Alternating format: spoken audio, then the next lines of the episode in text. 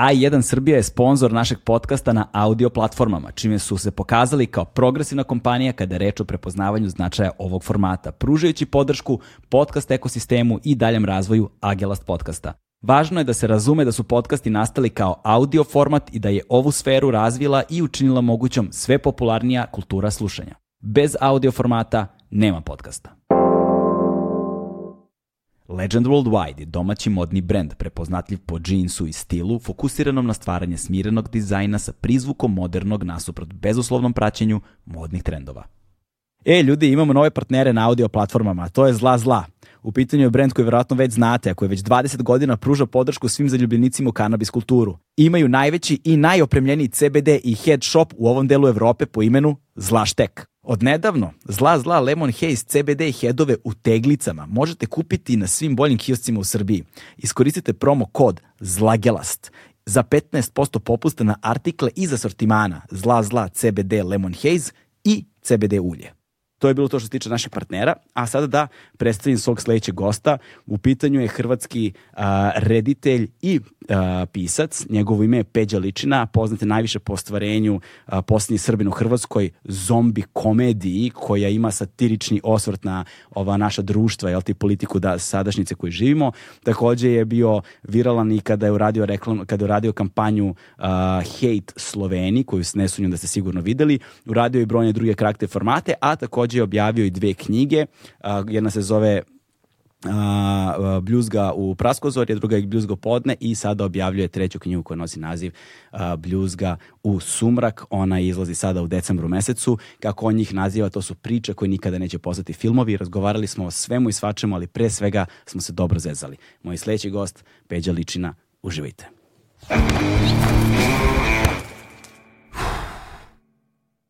Hmm.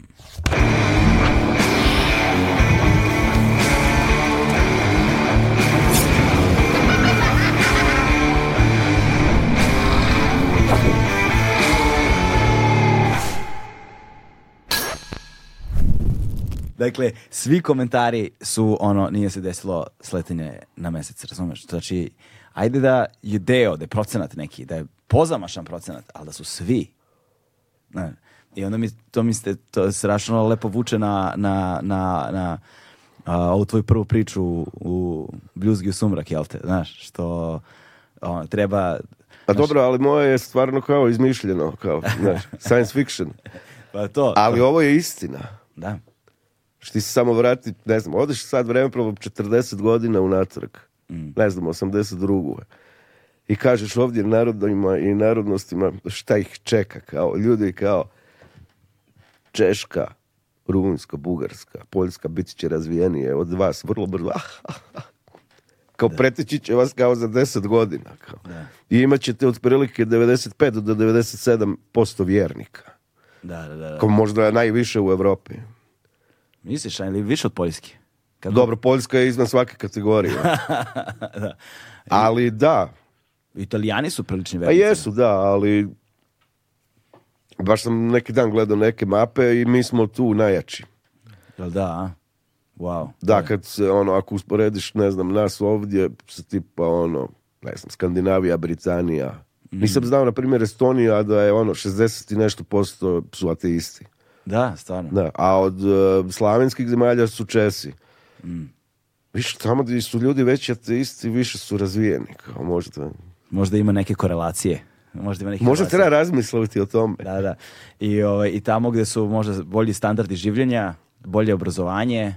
To je tamo gdje je hladnije isto. Da. Mm. Znaš, jer mi kad grane sunce, kao e, šta ćemo pojesti? Kao, kao sjedneš malo i to. Ovi se zbrzavaju gore i rade, znaš. Da, da, da, jeste, jeste, ima smisla čoveč. Ne znam, naš... Ovaj... Da nas premjestimo sve gore kao između Skandinavije i sjevernog pola. Mm, a znaš šta, možda deluje, no, tako kad kažeš deluje kao da je to tendenciozno napravljeno, da je neko investirao u to, da znaš, se narod tako osjeća i misli. Kao da smo u Matrixu. Pa, znaš. Neko se igra sa nama. Misliš? Pa moguće. Jučer kad smo gledali utakmicu, smo ovaj, kao, došli do zaključka da zapravo Zdravko i Zoran Mamić igraju Fifu na Playstationu u Međugorju, a mi smo u Matrixu. I onda kad je nestalo slike u jednom trenutku, zdravko otišao na WC, znaš, pa je pauzirao. Da, da, da, da. Kako je sinoć tekma bila? Argentina, Holandija. Holandija pa. ti je nizozemska. Da. Ako nisi znao. Ne, ne, mi znamo Holandija, ali možda vi, ne, možda, možda Hrvati ne znaju za Holandiju, oni znaju za nizozemsku. Da, da ovaj, e, večer, ne, oba dvije su bile thriller. Cijeli život mi je prošao kroz glavu, što bi se ono reklo. Ja. Ovaj, Hrvatska je naravno, nisam ono, uopće mi nije bilo u, u, u primozgu da bi se moglo dogoditi. Kao, aj misliš, svi mi govore, ma dobit će Hrvatska, ma kako će dobiti Hrvatska, Brazil, kao igraju stvarno mm. uz Francuza kao najbolje. I onda se to dogodi na Playstationu, braći Mamić. A i ova druga je bila stresna. Isto je tradicionalno mi Argentina kad ne navijam za naše mm. broj jedan. Još od 78. Zašto Argentina? Pa za, ono, to je jedna od prvih utakmica koje se sjećam kad sam imao šest godina. Argentina, Holandija, to je nizozemska. A, da, da, da, da, da. Uh, Final svjetskog prvenstva 78 ovaj, kad su na produžetke dobili Holandiju 3-1, to jest nizozemsku. Ja sam imao šest godina i to smo gledali kod tetke moje u mjestu Punat na otoku Krku. Mm. Na vas, oni mali portable televizori koji su bili u crvenoj, bijeloj i čini mi se žutoj boji i crno-bijelo. Sjeća se početka tekme gdje leti milijardu papirića pred mm. prvi sučev zvižduk. Nisam ni znao da je vojna hunta bila na vlasti. Ovaj, i znam da sam sljedeći dan sam si umislio da sam Mario Kempes, kao i pred kućom sam slikao da sam Mario Kempes, kao nabio sam nogometnu loptu. I onda mi je Argentina tako da. ostala, onda je došla, onda se pojavio Maradona. Da, da. Za kojeg će se poslije ispostaviti da je vjerojatno najveći igrač svih vremena, hmm. koga nije volio. E onda je 86. kad su dobili, tu se još malo pojačalo to za Argentinu i to ti ostalo to gdje sve povezano s, teškim djetinstvom iz tamnice naroda. Da, ali vidiš, to je, to je zanimljivo kako nam se, kako stvari koje zavolimo u tom periodu života, onako uh, detinjasto, iskreno, naivno, bez kritičkog odnosa, bez opterećenosti bilo kakvim kontekstom, značenjima, nego kao čista iskrena dečja ljubav i te stvari ti ostanu... to mi je ostalo, da, do dan danas. Mm kao to je i kao ne znam i sa filmovima jer mi je kad sam bio, koliko sam imao, kao tipa 12-13, sam gledao u kinu, to ti je bioskop, gledao sam i povratak u budućnost i Terminatora, to ja mislim čak nešto tu godina za godinom. Da. I to, su, to mi i dan danas kao... To je nešto 84. 84. je Terminator, mislim da je godinu posle kao... Back to the Future. da, da. da. I za, mislim, povratak u budućnosti, i dan danas mislim da je najbolje napisan scenarij kao ever. I sad ja najviše od svih filmova volim science fictione dan danas, a najviše volim ove sa tematikom kao time travela. Mm, to mi se dogodilo i s Liverpoolom, da, da, koji je tada 77. osvoja prvi put Kupa europskih šampiona, pa 78. Pa 81. pa se dogodi Heysel, ono ludilo. I sve to što mi se dogodilo kao tipa od, ne znam, 10. do 13. godine je ostalo, izgleda zauvijek. A, da, e, znaš zašto mi kažemo bioskop? Šta znači bioskop? Šta? E, pa to ti je, ovaj, zato, što, zato što naše etimologije, to, te je razlika, naše etimologije su uglavnom iz grčkog. Znaš, kao što je Čirilica iz grčkog, jel da, te? Da, da. I, ovaj, I zapravo je to suženica od dve reči bioskopos, posmatranje života. a. Da, bioskopos. Imao sam ideju da radim ovaj, za skopsko pivo, kao kampanju kad odeš kao u bioskop pa uzmeš pivo pa kao bioskopsko pivo. Ali onda mi je ideja propala jer oni kažu kino. Samo ovdje kažu bioskop čoveče. Da. to ti je kao u Hrvatskoj sa mjesecima. Sjećanj, veljača. To nisam nikad naučio. Nisam, znači, i, znaš šta, i svako malo mi se desi da ovaj, vidim, na što sječna veljača, lipanj ili kako god se, i onda odem na Google i pogledam i kao, aha, skapiram i znam da i tu ima etimološki neke veze kao kad se ne znam šta dešava i posle 10 minuta opet zaboravim. Znači, to je nevjerovatno. Ma da, samo što, mislim, ti mjeseci se u Hrvatskoj koriste samo kao službeno, tipa u novinama ili, ne znam, na dnevniku. Mm. Ali 90% ljudi govori porednim brojevima kad ti je rođendan, niko ti neće reći kao 28. maja, nego 28. petog. Kad ćeš na more? U šestom ili sedmom. Da, šestom i sedmom mjesecu, da, da, da, tako je. Osim kad se neko šali. Pa, znaš kao, idem u lipnju. E da, šta je lipanj? lipanj je e, jun. Jun, to, znam da je nešto tako, zato što sam gledao ovog Zovka, i onda se u lipnju dešava i on sam opet jutro sišao na Google. ne, u lipnju se dogodio taj čarobni događaj. Da, da, da, da. U Međugorju. Ovaj, da, ova, kako se zove... ugledali su Devicu Mariju, je tako beše? Da, ona se pojavila u Međugorju. Po, ukazala se, ukazala, ukazala se, ukazala se. Ukazba. Ukazba Device Marije. Da, 24. lipnja, juna da. 1900 81. Znaš šta je ovaj, meni zanimljivo tu? A, koliko je to veliki fenomen zapravo? Ja nisam imao pojma do pre recimo 6-7 godina, na primjer, kada smo radili kao neko istraživanje, ovaj, jer smo radili kao mali dokumentarni film na tu temu. Mhm. ovaj, I onda smo se raspitivali koliko recimo turista Beograd ima godišnje i koliko Međugorje ima. Znači, koliko, kao, ali ono, kao koliko registrovanih spavanja, znači kao po hotelima, da, da, da. smeštajima, zvaničnim i tako dalje. I tipa, sad ću da sad ću za Beograd da lupim, ali tu negde, otprilike nešto je bilo oko 300.000, na primjer, ili 400.000, znaš, nešto malo manje od 400.000 čini mi se da je bilo registrovanih ono godišnje uh, kao, Beograd, kao beogradska turistička ono sezona, a Međugorje ima u tom periodu 2 miliona. Odlično, vjerski turizam. 2 miliona Međugorje. Oni mi kao, znaš, ti imaš ono, ne znam, registrovanih milioni nešto kao ležajeva, kreveta, ne da, pojma, da, da. Međugorju. To su bre ozbiljna hodočašća. Jedna od tih vidjelica kao koja je vidjela taj događaj. Nešto sam čitao o njoj kao, ima neke apartmane tamo, renta, kao mm. živi dobro i još uvijek se njoj gospa javlja. Mm. Kao meni zombi, na primjer. ali, vidi koliko, na primjer, Amsterdam ima. Amsterdam, ja mislim da ima na godišnjoj bazi četiri puta više nego cijela Hrvatska. A Hrvatska ipak ima more i to. Da, da, da. Ja sam nedavno bio, ja ne, ne samo hodati od turista. Jeste, jeste. Samo se sudaraš sa ljudima, a domicilno stanovništvo vozi one bicikla i samo se dere na turista da se maknu. Da, da, da. da. Baš je nervozno, hektično. Pazi, ja, čini mi se da sam... A sve zbog droge, Ej, to govori dosta o čoveku, pa sad vidi, imaš vjerski, imaš ovaj, kao. Da, da, pa koji je luđi? Da. Nije, znaš, dva, dva da je povezati jedno i drugo. Ne, treba samo da napave pun krug. da, da. Ali ima tamo po Latinskoj Americi, video sam, imaju te stare neke, uh, da su povezane Hršćanska uh, uh, uh, krišćanska, ali tako? Kršćanska. Kr kršćanska, je. Mislim, isti jezik, malo sutra, da.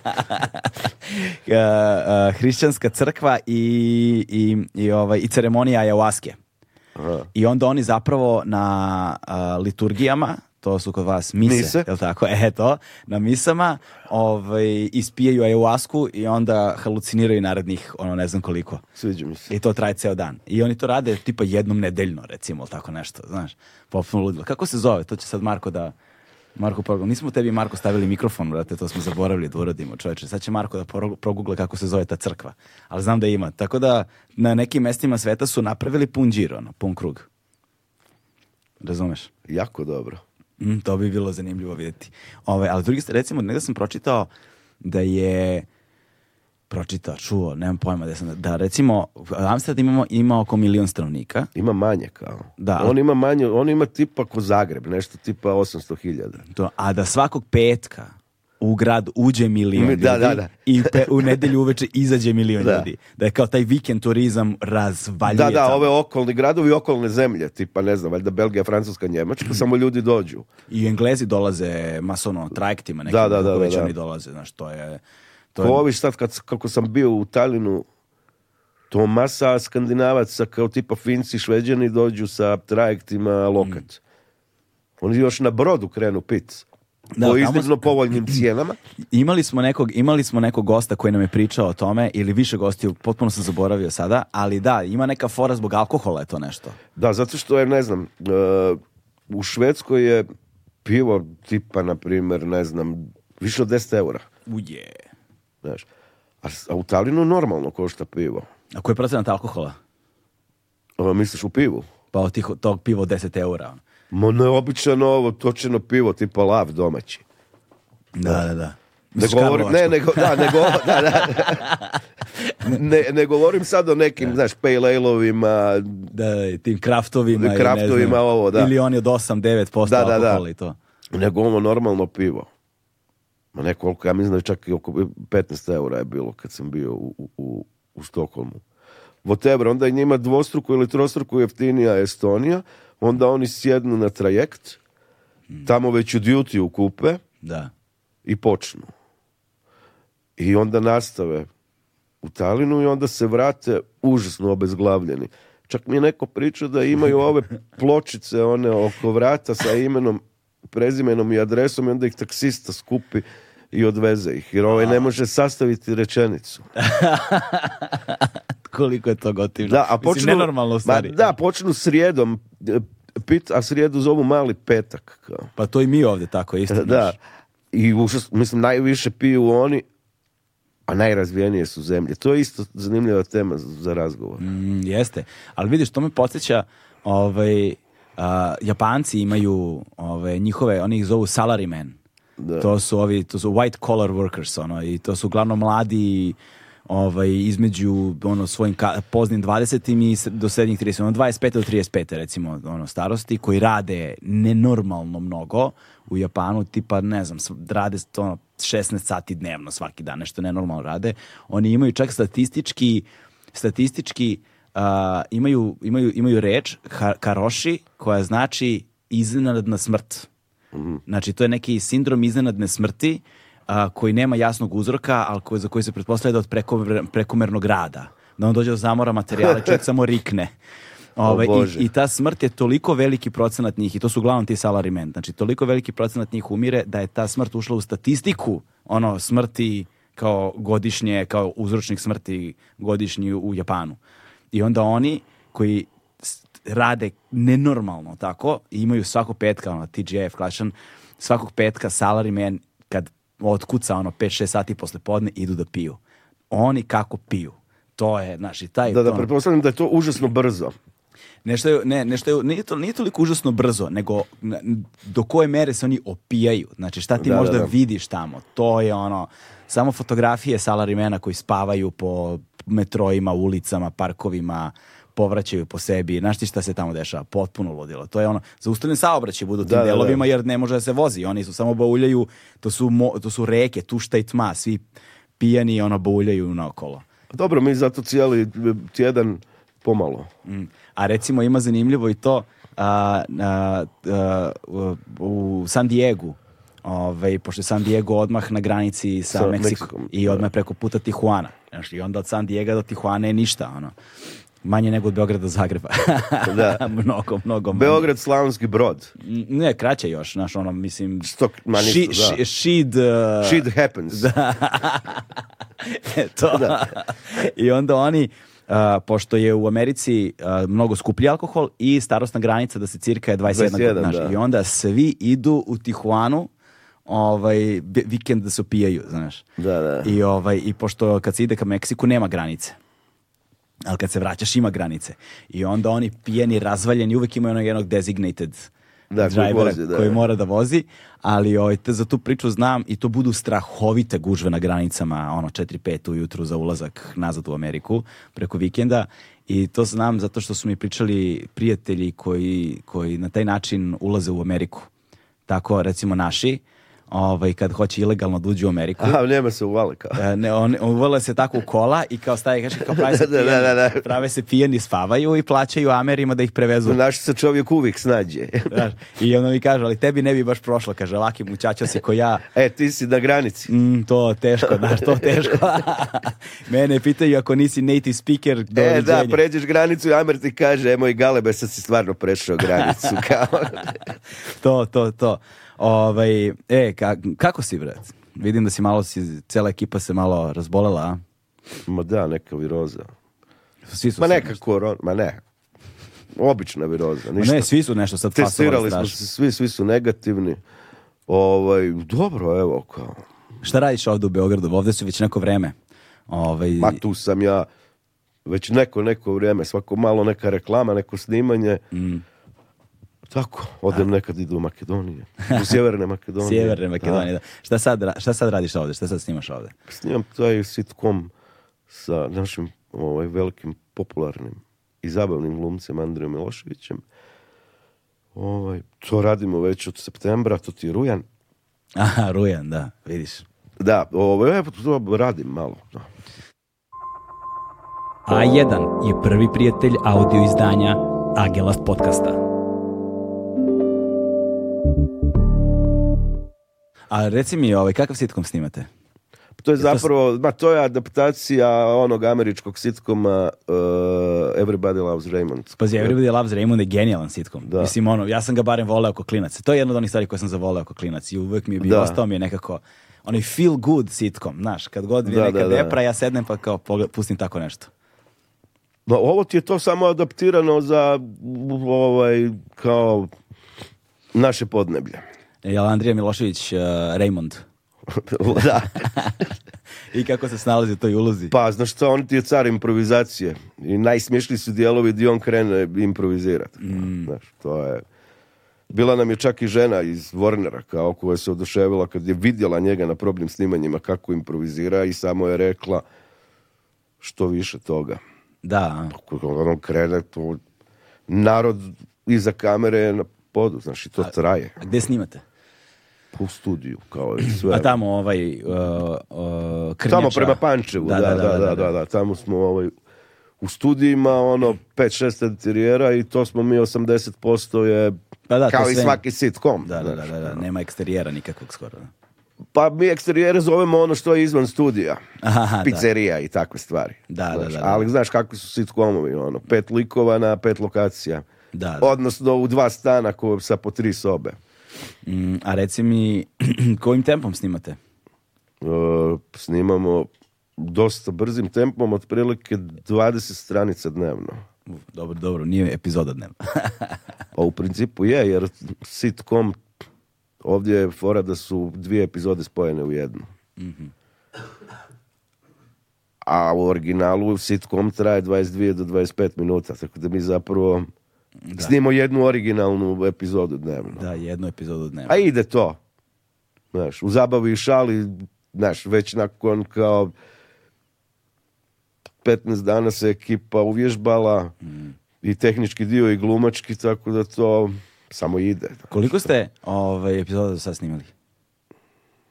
Pa ja mislim da smo od 40, mislim da smo jedno 30 snimili, sigurno. A uje, strava češ, znači još malo pa gotovo. Ma da. E, ovaj, veoma mi je drago da si tu, zato što... Bolje vas znaš. Da, bolje, da, veoma, mi je drago da si tu i dugo, dugo već razmišljam o tebi. Opa! o, ovaj, pos, o, zapravo, zapravo otkako sam a, gledao posljednji, a, e, posljednjeg Srbina u Hrvatskoj, a, jer mi je, znaš, fascinantan mi je način pa kako sad da počnem tu rečenicu? Pazi, redko se pojavi nešto sa naših prostora da nekako uzima elemente ovaj, poznatih internacionalnih motiva i ono što je kao naš u svetu da umetnosti na bilo koji način već kao poznato i rađeno, ali da se obradi na takav način da dobije strahovito snažnu lokalnu dimenziju i da je ono, vidiš je kao autentičan lokalni proizvod koji strašno dobro priča lokalnu priču, komunicira na internacionalnom nivou, a ne bi mogao da se preslika negde drugde. Jer ima toliko specifičnih stvari koje su specifično naše, ovaj, a opet e, univerzalno razumljive. Znaš, i ovaj, a pritom se to neki tako čudni spoj, uzmeš kao pitanje nacionalizma, satire, i kao zombija. Znaš, kada bi to neko račlanjivao, to bi zvučalo kao ujevote, kao šta radi ovaj čovjek. A i, humor je izuzetno dobar. I onda kada se vide druge stvari koje si radio, ovaj, postoji vrlo jasna linija Ona načina na koji se krećeš. I, i vidi se opet ta veza s ovime što si malo prepričao, sve se to negde desilo ovaj, kada si imao ko, između fazom 8. i 12. godine života. Da, u žanrovskom smislu svakako, da. Ne. A onda se pojavilo ovo, kao da postoje tu na ovom malom prostoru nekih par naroda mm. koji su i od reda dosta smiješni. Zapravo. Da. I onda se to sve sklopilo kao u ovo. Jedino to što kažeš da, ali na nekom internacionalnom nivou se to ne može shvatiti. Da, znaš, teško to ono. Imamo, imaju reč balkanizacija, da, ali kao to je, a mislim, ja ni nemam neke pretenzije da znaš, da, da završim ne znam gdje sa filmom. Da, da, da. Niti uopće razmišljam da bi ja otišao na neki festival tipa, ne znam, Berlin, Venecija, Kani, ali prvo ovaj film se jako teško, kao i sve zapravo što radim, se jako teško shvaća izvan, mm. do Trsta recimo shvaća, ali izvan granica, tamnice naroda, znaš, je malo teže. Mm da smo, na primjer, sad, da sam ja došao iz Glazgova tebi u London, pa da si ti tu iz Engleske, a ja sam iz Škotske, pa da sam napravio, ne znam, posljednji Englez u Škotskoj, kao da bi to na globalnom nivou mnogo bolje i razumljivije funkcioniralo zato što te narode za njih kao svi znaju. Znaš, znaju i za nas, ali na mnogo manjem nivou, odnosno kao imaju par informacija mi smo ti otprilike kao Guatemala, Honduras i Belize. Znaš, posljednji Salvadorac u Hondurasu. Da, da, da, pa je malo teško. Sad s drugim filmom ja imam isto problema jer je opet kao tema je samo za nas. Da. Ja sam zapravo ono, lokal, a, patriota, ali na, tamnica naroda nivou. Da, da, da, da, da. Znaš, ja sam pokušao i raditi nešto da odem na festival, ali mi je već kao u drugoj sceni pala atomska bomba i, i sve je otišlo u satiru. Jednostavno, to ne, ne znam raditi to. Mm. Ovdje se baš dobro snalazim i imam nevjerojatno ono kao inspiraciju ovih cirkusanata, cirkus zemalja u kojima živimo. Jeste, znaš, e, sad me zanima, znaš, kako, kako, je išao tvoj razvojni put? koji su to, kažeš, znači, šta si gledao, Terminatora, a Terminator povratak u budućnost je bilo to što mi je obilježilo kao djetinstvo u nekom pred-tineđerskom dobu. Mm, ali broj jedan je... Ne, ja sam tek kasnije kao, da, krenu gledati horore, mm sve. Zapravo, meni najveći mm, najveći ovaj kao urez u mozak mi je zapravo bio kad stari mene i brata 79. vodi u kino Zagreb na Alien. Mm. To su se zvale festove premijere. Šta je bilo tu na festu bi igralo u Zagrebu. Određeni filmovi, odnosno hitovi. Ja sam imao sedam godina, brat je imao pet. Da. Ja mislim da je moj brat cijeli film gledao sa jaknom, a ja pola. Znaš, e to je zapravo prvo čeg se sjećam kao od, od filmova u kinima i onda kasnije ovo i nekako su se sa Walking Deadom pojavili ti zombiji. Mm. Mislim, gledao sam i prije zombi filmova, ali je kad je Walking Dead izašla po stripu kao prva sezona, krenuo je kompletno ludilo kao od odjedanput zombi filmova. Mm. Tu se pojavio onaj norveški Dead Snow kao sa zombi nacistima. Gdje sam ja odvaljivo Čeha pa kao onaj Shaun of Dead i malo, malo sam počeo ono, kao razmišljati da bi ja snimio znaš, zombi film. Pa imao si onaj 28 dana kasnije i 28 tjedana, odnosno 28 nedelja kasnije. I kad sam razmišljao o svim tim zombi filmovima i serijama koji u jednom trenutku, valjda sam ih pogledao maltene sto, skužio sam da nema niti u jednom filmu da se ljudi bave kao serumom. Da bi se kao ljudi izlječili od zombi epidemije. On u filmu 28 tjedana kasnije gdje glavna junakinja ima neki gen s kojim će napraviti neki serum i izlječit će populaciju od zombija. Od zombi virusa zapravo. onda mi je jednog dana, ne znam nikad nigdje, gdje, palo na pamet da kao Srbi kao najstariji narod na svijetu možda imaju, izvini, Somal, somalice. oba može, može oba, da, da, da, oba, da. Možda ja imam serum, ono. Da, i činimo se jako zgodno da možda Srbi budu kao otporni na virus i da se od njihove krvi kao e, radi serum. Onda sam razmišljao drugim nacionalnim manjinama u Hrvatskoj. Pa meni nije činilo se tako efektno kao Mađari, Italijani i to. A i dobro je bilo jer su priličan broj Hrvata je dosta na Srbima, pa... Mm. Sam mislio da bi to mogao biti hit. I kako se pokazalo? I ka, kad si ušao u pisanje scenarija? Kako je to izgledalo? Davno je to bilo. To je bilo pa možda pet godina prije nego što je film izašao. Znači, mhm. ako je film izašao 2019. ja sam prvi scenarij napisao 2013. I to je bio najskuplji film ikada, naravno. Mm. Ono, milijone dolara po Sve, da, znaš. Svuda se dešavalo. To su kostimi, specijalni efekti. Sve, sve, totali zombi epidemije. Znaš, da, da, da. da, da. reke, zombija da, na ulici. bijeg srpske manjine iz Hrvatske preko Dunava, gdje ih predsjednik Srbije ne pušta preko. znaš, jer je karantin. Da, da, da. da. I ništa, i onda je kao prus smo dobili novac od Hrvatskog audiovizualnog centra za razvoj scenarija, pa za razvoj projekta i onda napokon za produkciju, a to je bilo još, ja mislim, 2016. Mm. ili 2015. Ne znam, prošlo je sigurno još tri godine, možda i dvije, ne znam točno, kad smo mi dobili kao te pare do samog snimanja filma, jer ja sam bio debitant i ti dobiješ neku zapravo lovu kao za tri reklame. Mm. Ali čekaj, da, znači, sus, susret ljudi sa scenarijom kada su ga čitali, kada su ga gledali. aha, koji ste kreti.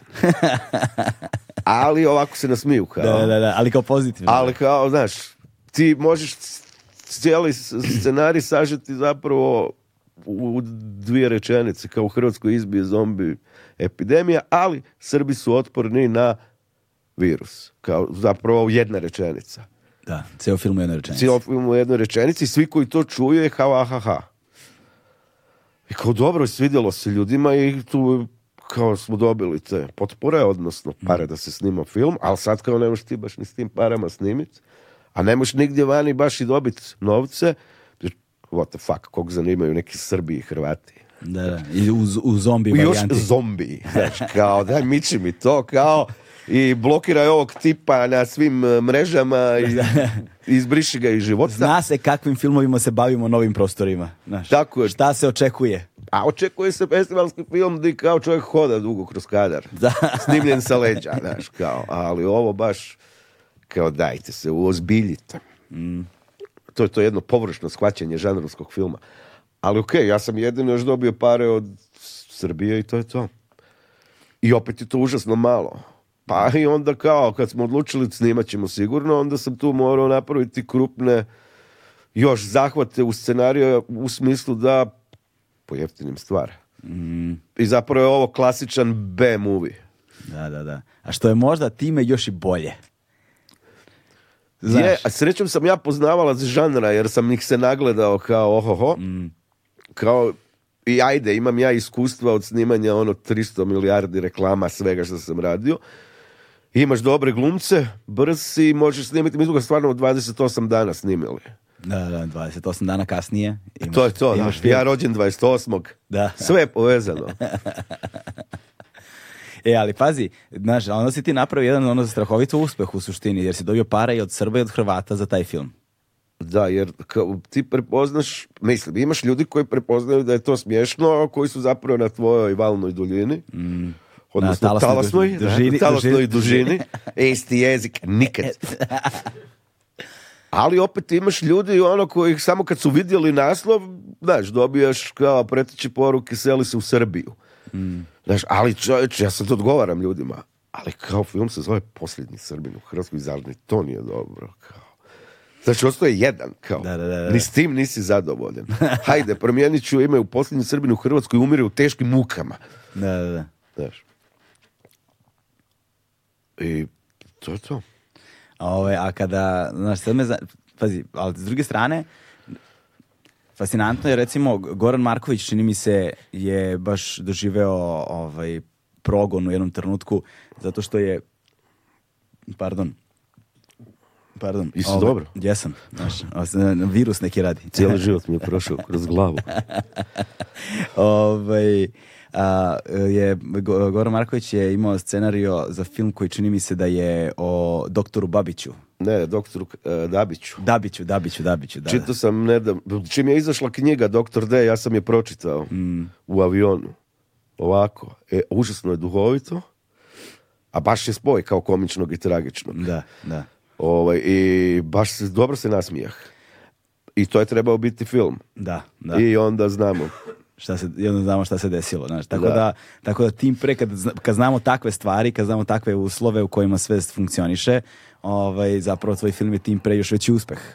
Znaš, on se, znaš, on se, on se kao na, na platnu tako nečega oslikava Ovaj, da, ali ja se tu, znaš, kao ne bavim niti, niti s jednom kao poznatom ličnošću. Vjerojatno da ja radim film, da napravim scenarij iz svog ugla, ugaoci i kut da napravim svog kuca kao film o praljku, vjerojatno nikad ne bi dobio par jer je tema jako škakljiva. Da, da, da. Znaš. Ali ovdje nema, ovdje je sve zapravo svedeno na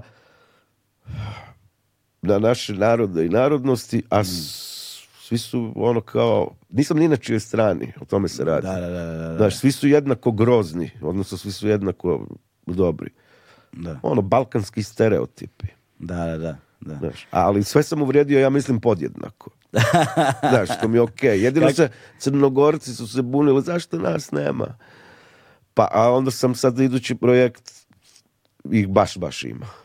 dobro, dobro, sad pričat ćemo s doći, će na to, to na red. Ali, znaš, zanimljiv je način na koji ti zapravo, kad sad kad razmišljam, kapitalizuješ na narcizmu malih razlika. Znaš, s obzirom na to da pomirenja nema, onda mora da se insistira na različitosti. Da, da, da. Znači, onda kad se insistira na različitosti, onda se konstantno, jer smo isti, a hoćemo budemo različiti. Meni to jako odgovara zato što je to nevjerojatno ovoga inspirativno za dobru šalu. to, jer onda, jer onda te, te, akcentovanja različitosti, različitosti idu u absurd. U, idu u absurd. Što, duže što više vremena prolazi sve imbecilnije. Da, i sve smješnije. Pa I sad to postaje smiješnije zapravo od bilo čega da ti smisliš. ja mogu biti u ozbiljnoj krizi da nešto smislim, jer ovo što se zaista e, dešava je kao luđe od bilo čega što čovjek smisli. Da. Znaš, pođi samo od predsjednice Hrvatske i svih onih E, nevjerovatnih skandalčica njezinih gdje ona kao se slika za Instagram na onom ogromnom trajektu Petar Hektorović gdje je kapetan njoj dao da malo vozi. Znači sad ona kao vozi brod. Znaš to sad da se priča stvarno... Vozi trajekt. Vozi trajekt, da. U kojem su ljudi? U kojem je masa ljudi njihovih automobila i male djece. Znaš, onda imaš isto kao dođe ona na Labudovo jezero u HNK, internacionalna predstava sa ono, ne znam ni otkud je redatelj, ali cijela Europa je u tom ansamblu i ona silazi na poklon sa njima i uzima cvijeće namijenjeno prima balerini. Znači, se kao, zamisli, samo se vratiš kao u, u prošlost 85. na primjer, kad je ovo koliko toliko bilo, sve ovo ozbiljna zemlja je bila, odnosno ozbiljne zemlje kao u jednoj, i sada kreneš to pričati, znaš, šta će se dogoditi za 40 godina. Ovo su samo dva primjera, a primjera možemo sad pričati, ja mislim, tri dana za redom. Mm, mm. Što ti sve ko ono, 12 majmuna, kad kao Bruce Willis govori šta će biti, pa ga strpaju u ludnicu, tako bi i tebe strpali da kažeš šta je sve ovo. Da, znači da će ovo biti sve zapravo različiti jezici. Tebi bi se ljudi užasno smijali da ti odeš 85. i kažeš da će 2022. godine ovdje biti četiri jezika, a čak i crnogorski. Da, imaš kao ono, lingvisti imaju teoriju da ako na različitim jezicima na broj isto od 1 do 10, da je to isti jezik. A to je samo slučaj sa ova četiri jezika. Da. Kao u cijelom svijetu. I to dovodi do zaključka da je možda ovo stvarno isti jezik. To sa različitim akcentima. Ali mi se moramo boriti protiv toga.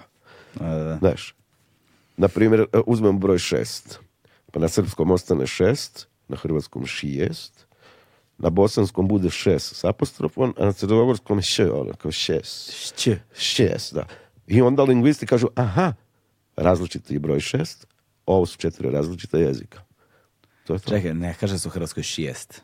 Ne, ali kao ja dajem prijedlog kako promijeniti jedan broj da, bi zadovoljili lingviste da ovo stvarno budu kao različiti jezici. I dodatno, svaki jezik još kao na primjer hrvatski, da bude kao kajkavsko-zagrebački, mm. zagorski, slavonski, dalmatinski, istarsko-primorski i ovaj ličko-kordonaško-banijski. Pet jezika da ima svaka naša država, tako da ovdje kao dođemo do, na primjer, brojko 20 jezika. Da, da, da, da, to bi bilo fascinantno. Pazi, Možda ali, referendum. Ali kada, ali kada razmišljam, kada razmišljam o, o tim dijalektima i narečima i tako, ovaj, Hrvati mi se čini da su za razliku od ostalih ovaj, bivši bivših nam republika, imaju najraznovrsniji... Najrazličitije. Najrazličitije. Pa to ti je sve zbog oblika potkove. Mm. Znaš, nenormalan je oblik. Da.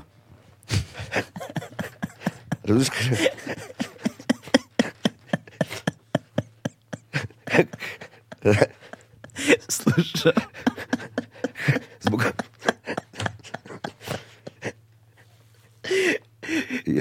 E, ok. Hrvatska je broj jedan, a broj dva je Čile. Znači, nas trojica u Čileu ne možemo kao jedan uz drugog, jer neko izlazi u Argentinu ili pada u Pacifik, nego uvijek u koloni. Razumiješ kao peta kolona. da. Hrvatska ima taj oblik, jel te, potkove, kifle, da. kako hoćete.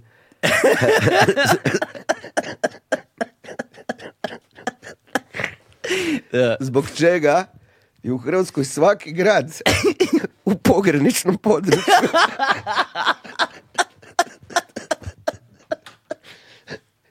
Razumiješ? Da.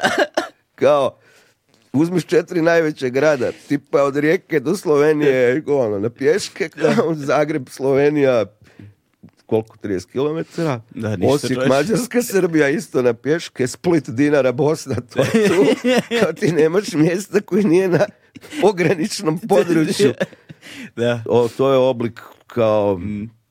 vojne krajine zapravo. Ono, Austrija, to je granica Austrije i Turske. Da, čoveče.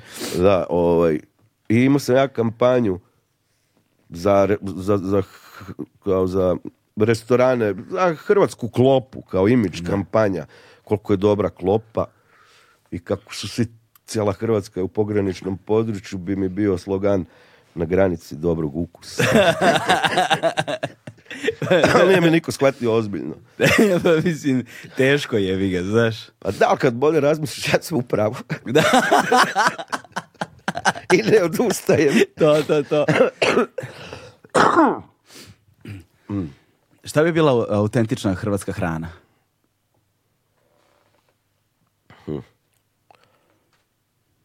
Pa zbog oblika potkove imamo, dalmatinsku klopu koja je autentična. Mhm. Kao riba ovo ono. Kad već odeš u Istru, tu imaš dašak pašte -hmm. Fuži, Pljukanci, da. to je već malo utjeca Italije. Slavonija ti je ono, ko Mađarska, ko ono, gulaš, fiš, paprikaš i to.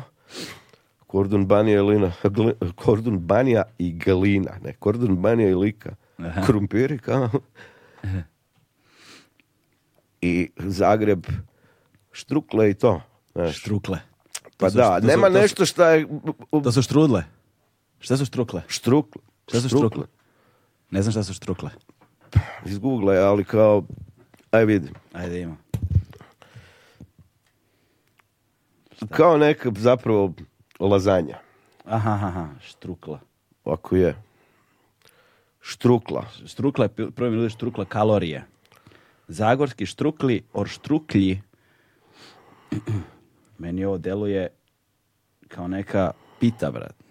Da, i ono- Kao, neka gibanica, nazovimo tako, mi deluje. Da. Tako da nemaš kao, re... a, Italija, pašta, pizza. Mm. Nego stvarno je kao, razno, šta je i srpska klopa? Pa dobro, roštilj.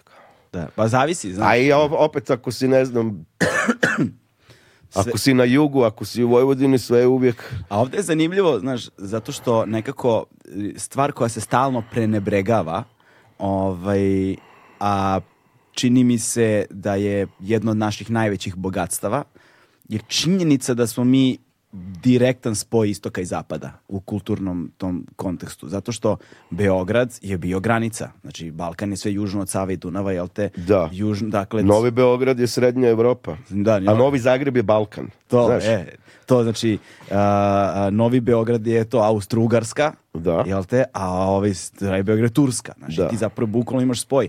tebi je normalno da otvoriš jelovnik i da u tom jelovniku vidiš a, bečku šniclu i tufahije da. kao, i, to, ono, I to niko ne dovodi u pitanje. Čuti se da ne damo nekom ideju. da. da. da. još i to počne da nam sada štroje, jel te, jelovnike i tako dalje.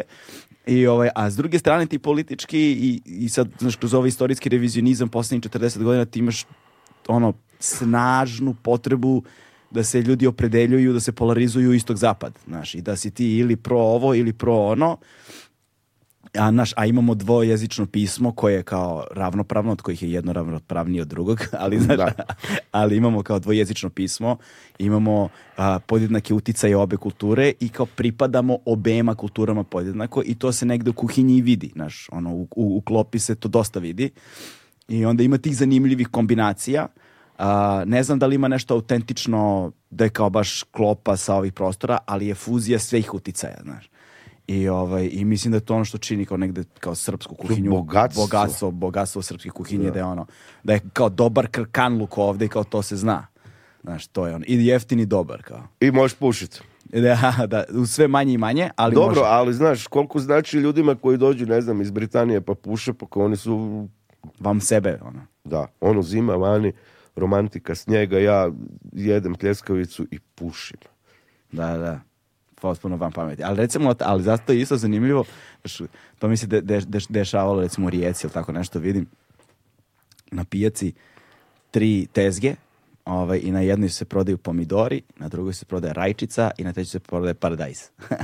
I kao, znaš, to, to, da. to tri tezge. I to se, znaš, tako nešto recimo u Srbiji ne možeš da vidiš. Znaš, te stvari, to, ali to u Hrvatskoj je sasvim normalno. Dobro, ti si prosto, sve što je srpsko i ništa ti nije sve I za to sam... Ne, radio sam ja jedan mali riječnik povrća, znaš, mhm. pa sam ustanovio da je najveća razlika hrvatskog i srpskog u povrću. U riječima povrća, znaš, kao poriluk, praziluk, grah, pasulja, mrkva, šargarepa, mm. riža pirinač, češnjak, beli luk, špargla, šparoga, to je slično. Da, ali opet različito. Na temelju povrća mi možemo graditi teoriju o različitim jezicima. CBD je, pored THC-a, najistraženiji kanabinoid iz sveta industrijske konoplje, samo što on nema psihoaktivno dejstvo. Mnoge studije potvrđuju njegove pozitivne efekte i pomoć pri problemu sa spavanjem. CBD ne uspavljuje niti omamljuje, ali je san čvršći i kvalitetniji, tako reći budimo se odmorniji.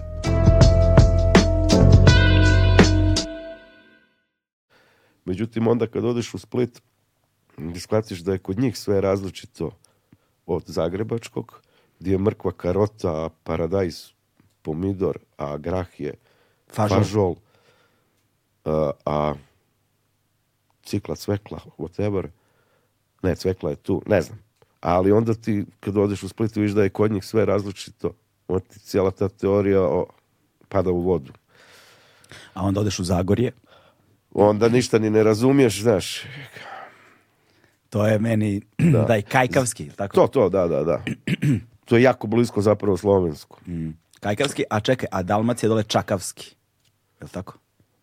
pa čati više govore kao Primorje Istra. Aha, ta, tamo, okej. Dole su ikavci, mm ko što su ovdje ekavci.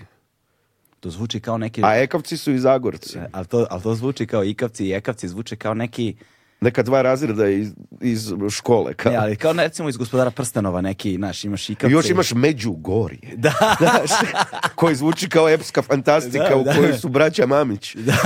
igraju Playstation, a mi smo u Matrixu njihovog turnira. Je. Da, da, da, da, kao, da što je deo, deo Middle Eartha, deo, deo srednje zemlje koje se Međugorje. Tako da sam ja više, ja sam bliži teorije da svaki jezik naš treba raščetvoriti još na dodatna četiri, da ih imamo 20. Mm nego sad neke teze o istom jeziku. Da. Neka sad sve ode, znaš već kamo. Da, da, da, da. Kad smo već krenuli ovim putem. Da, da, da. da.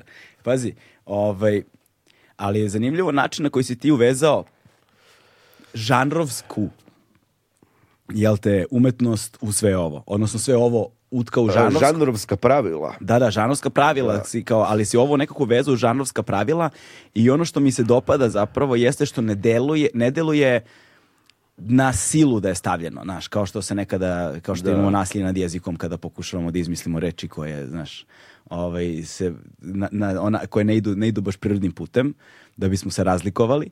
Ovaj, e, isto tako, znaš, ali ovde to funkcioniše dobro, čovječe znaš, na, zato što je moguće. Pa, ne, e. radi se od samog početka. Ti dok staviš kao to je osam godina otkad je Hrvatska bankrotirala. Da. Tako počinje film. Ti si uveo neko vrijeme u budućnosti. Najmanje osam godina, a možda je čak prošlo i 20 godina od današnjeg dana. Ti odmah to gledaš sa odmakom, aha, mm. ovo nema veze sa realizmom, to se možda nekada može desiti. Ali to nismo mi sada. Da. Nikako. I onda kad kreneš sa tom ovoga postavkom, onda ti vjeruješ u ono što gledaš. Da. Da sam ja išao kao na foru, sad ću prikazati težak život srpske manjine nekog tipa povratnika koji je došao na banju i Liku u dugim kadrovima. To je isto ok, ali to niko ne bi gledao, imao bi kao 800 ljudi u kinima te bioskopima. Mm. Jer u suštini narod voli veselo, ko će slušati tuđu muku, ovaj, i voli žanr. Osobito horore. Mm. Horori su kao najvjernija publika i publika horora. On će pogledati svaki horor. Da, da. Znaš. Vidiš, nisam razmišljao o tome koja publika je najvernija. Najvjernija su sigurno horori, ho horor fanovi. Dobro, epska fantastika je dosta Isto, također. Samo i, i naučna fantastika, I naučna što bi rekli znanstvena, Međutim, i epske fantastike i naučne fantastike, to je znanstvene fantastike, nema mnogo. Zato što je po defaultu skupa. Mm. Mislim, mnogo skuplja od horora. Mi sad možemo tu snimiti horor. Nas trojica.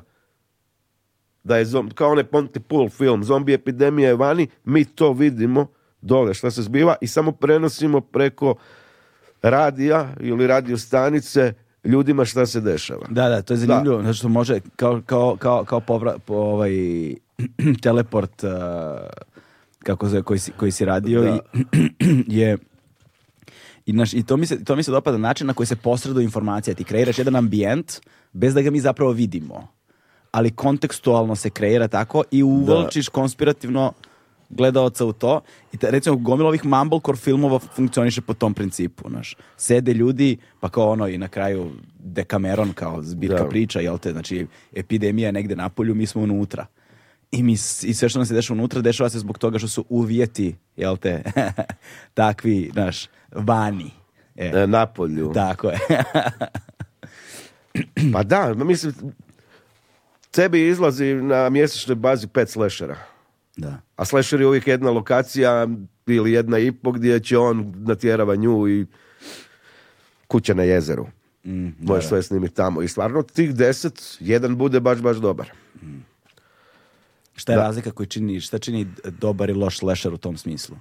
Znaš, kao, ako imaš jednu lokaciju, imaš vrlo mali broj kadrova, u suštini mali, mali broj ono, mali broj lokacija, uh, mali broj glumaca, da je sve svedeno na neki ono bare minimum, na neki... Ma, osnovno je da ja vjerujem da se to zaista dešava. Da, to. Znaš, sad, kao da kažem, od deset slashera stvarno jedan je dobar, pet su osrednji, a pet ih je negledljivo. Mm.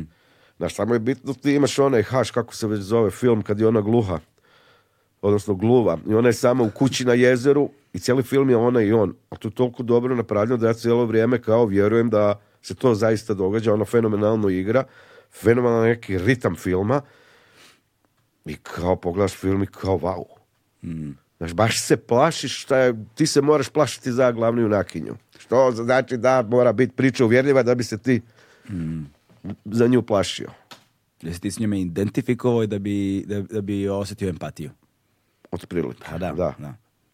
A to A ti imaš i gomilu slashera i ti odmah već u desetoj minuti skapiraš da ovo baš i nije moguće ili je užasno loše izvedeno i neuvjerljivo. Mm, mm. Da, to je zapravo taj princip je vrlo jednostavan kad se malo ozbiljnije porazmisli o njemu. Jer ti kada pričaš priču, svaka priča je u suštini laž. Jer... Život iz kojeg su izbačeni dosadni dijelovi... To je Hičkog i... rekao, tako? Da, e, ne znam to što... Hičkog pamtim najviše citat za film su bitne tri stvari. Scenarij, scenarij, scenarij. Da.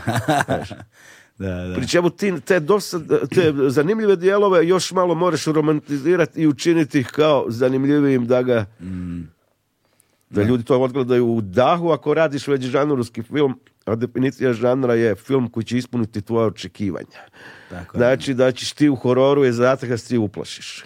A tu zapravo se nalazi lepota žanrovske umetnosti, kao što, jer, jer tim stilsko-tipološkim odrednicama žanra postoje ograničenja koja ti moraš da ispoštaš. Ovo mora da se desi Tako je, da. da bi ti da bi ti e, bio žanr ili ukoliko se to neće desiti, ukoliko imaš iznevereno očekivanje, ti zapravo moraš jako dobro da poznaješ pravila da bi mogao da ih kršiš, da bi onda da. to kršenje bilo uverljivo. Ti opet imaš vrlo stroge tako, jedan od naj... Da, imaš obrazce i stvarno moraš ih poštivati. Da. Jer publika koja ide gleda žanrovski film jako dobro poznaje žanrove i pravila i ne možeš ih tako lako prevariti. Jedan od najboljih primjera za to je prvi vrisak. mm On kaže, kad pričaju o slasherima, baš kao hororima, kaže naša glavna je ja više ti horori, kao, nevjerovatno da uvijek kad manijak dođe u kuću, ona krene na svoja ulazna vrata, koja su uvijek zaključena i bježi gore. Kao. I to se identično dogodi njoj kad je napadne da, da. ovaj scream face. Vidi se ona zaključa vrata, ode nešto, ovaj krene jurit, ona kreće na izlazna vrata stana koje su zaključene i ona bježi gore. Jako dobar primjer poznavanja kao žanrovskih pravila u tom metafilmološkom smislu filmu da. filmu. Da to. E, a onda opet kad posmatraš pravi umetnici uspevaju da unutar žanra kreiraju visoku umetnost, koristeći se baš tim negativnim prostorom, odnosno uh, odnosno tim ograničenjima gde nemaju slobodu da se da, da rade šta god hoće. I ovaj al kao u poeziji na primjer sonet ima svoja stroga pravila. Da. Da li je Šekspir zbog toga manje dobar umetnik, znaš. Uh, i, i, to je, i mislim da tu ono gde ljudi pocenjuju zato što žanrovi su kolokvijalno najčešće prekazani i razumevani na taj način. A žanrovski film po defaultu je nešto što je manje vrijedno. Tako je to. Na. A ne mora nužno da bude. Ne, nikako. Meni je, meni obrnuto. Pa Znaš, I mnogo teže je snimiti žanrovski film. mnogo teže je snimiti žanrovski film jer imaš ograničenja. Ne. Najlakše je smisliti film za festival. Gej par iz Kijeva, Ukrajinac i Rus. Bježi iz Kijeva i hodaju po Mađarskoj danima, po Slavoniji danima, Vojvodini danima, dugi kadrovi, crno-bijelo po mogućnosti hodaju i to je to. I onda se tu art house film pretvara u horor, pazi. Gej par dolazi, u pitoresno dalmatinsko mjesto gdje ih narod prihvati kao ukrajinske izbjeglice. Ali u trenutku kad shvate da su njih dvojica gej pravoslavci, kreće horor. Mm, Oni bježe šuma, sve, kao kamenjar. Ludilo. To, hoću ti reći kako sam spojio art house film i žanrovski film. Ali sad razmišljam. Pazi se do. A može da bude podela da... Kako ti ja da to, det Gej par, Rus. Dobro, ok. Odličan počet. Da, da, to. u Mađarskoj su. Naliču na Orbana. Da, što, to. Znaš, Ukrajinac bi da dođe u Hrvatsku.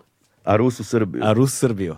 Znaš, i oni osti zarabljeni na granici. Na tromeđi. Na tromeđi. Na tromeđi Slavonije, Vojvodine i Mađarske. Da, e, i... De, de, de, I dugo, dugo razgovaraju. Da, da.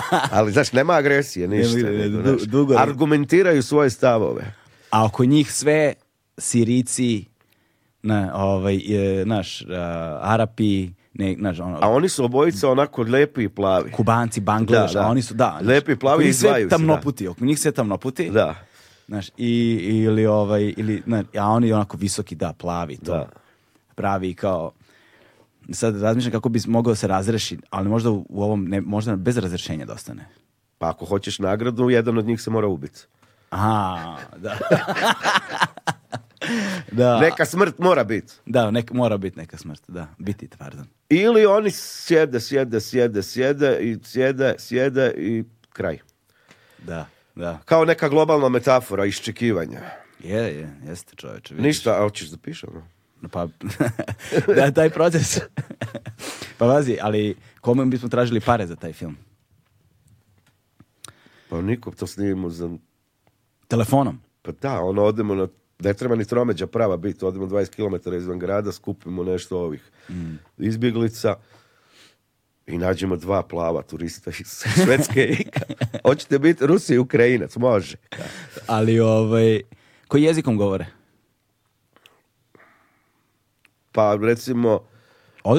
Ovdje ćeš, lako naći sad, ima ih puno Pa svaki 20. stanovnik grada je Rus. U, centru grada, u Beogradu. Ono, Rus neka govori srpski, Ukrajinac, hrvatski. Wow. to, čoveče. E, ali sad žanr kad pričamo o njemu, sad opet, kažeš da je horor teže snimiti od sci-fi-a. Ne, ne, obrnuto. Sci-fi podrazumijeva veću produkciju, mislim, u produkcijskom smislu.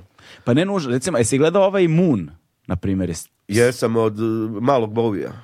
Ja, jeste, on mali Bo, da. Ovaj Moon e, sci-fi koji je kao... Gdje on kloniran. Da, da on Tako, A Duncan Jones, da. Da, da, da, da, je on kloniran, zapravo imaš jednog lika na jednoj lokaciji sve vrijeme, ništa se ne dešava. E, ima takvih filmova. Ali je jako dobro urađen. Vrh. Jesi idući njegov? Nisam, koji? Možda jesam, ne znam. Di mu opet glavni lik mrtav zapravo. Kako se zove njegov drugi film? Mozak mi stade.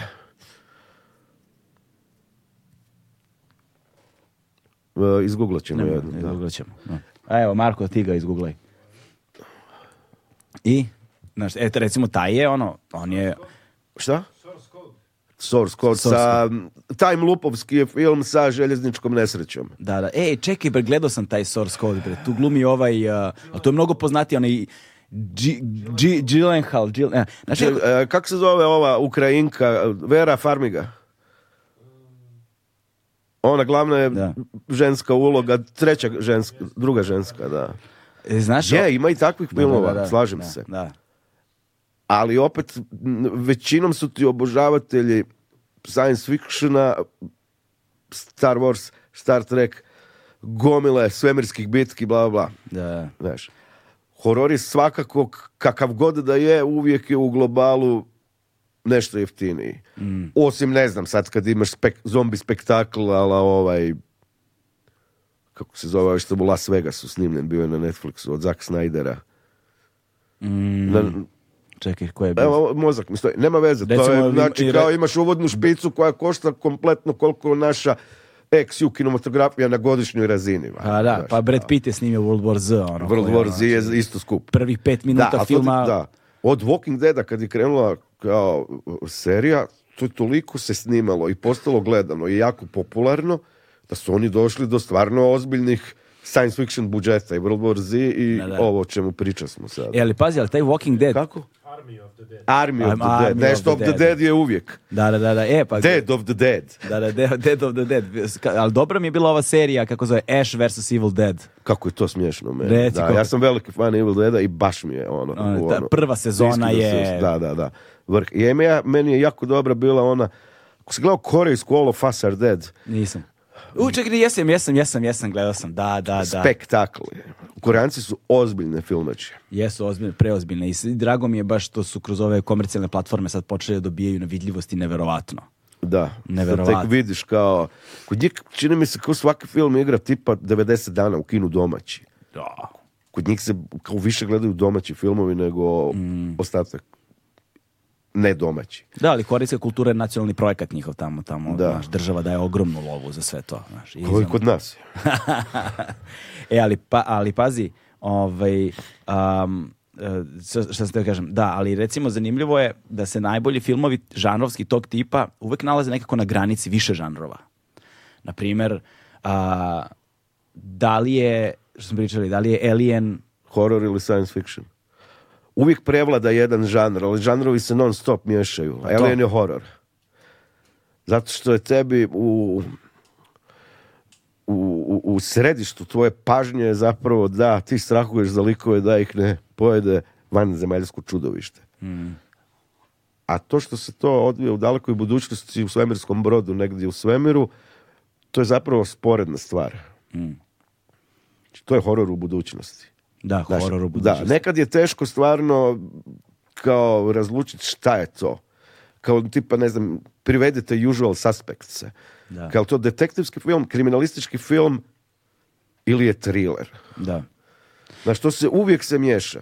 Meni je problem samo kod tih detektivskih zato što uvijek ima taj onaj trenutak razotkrivanja počinioca, zločina da, ili nečega. Da, detektivski film je kao hudanit. Ti tu znaš koliko je glavni lik. Mm, Što ti uživaš aspekt su, u suštini, znaš. Da. Ali je i thriller, jer ti je stvarno thrill od sve te priče Kaiser Soze, te trnci prođu, mm. znaš.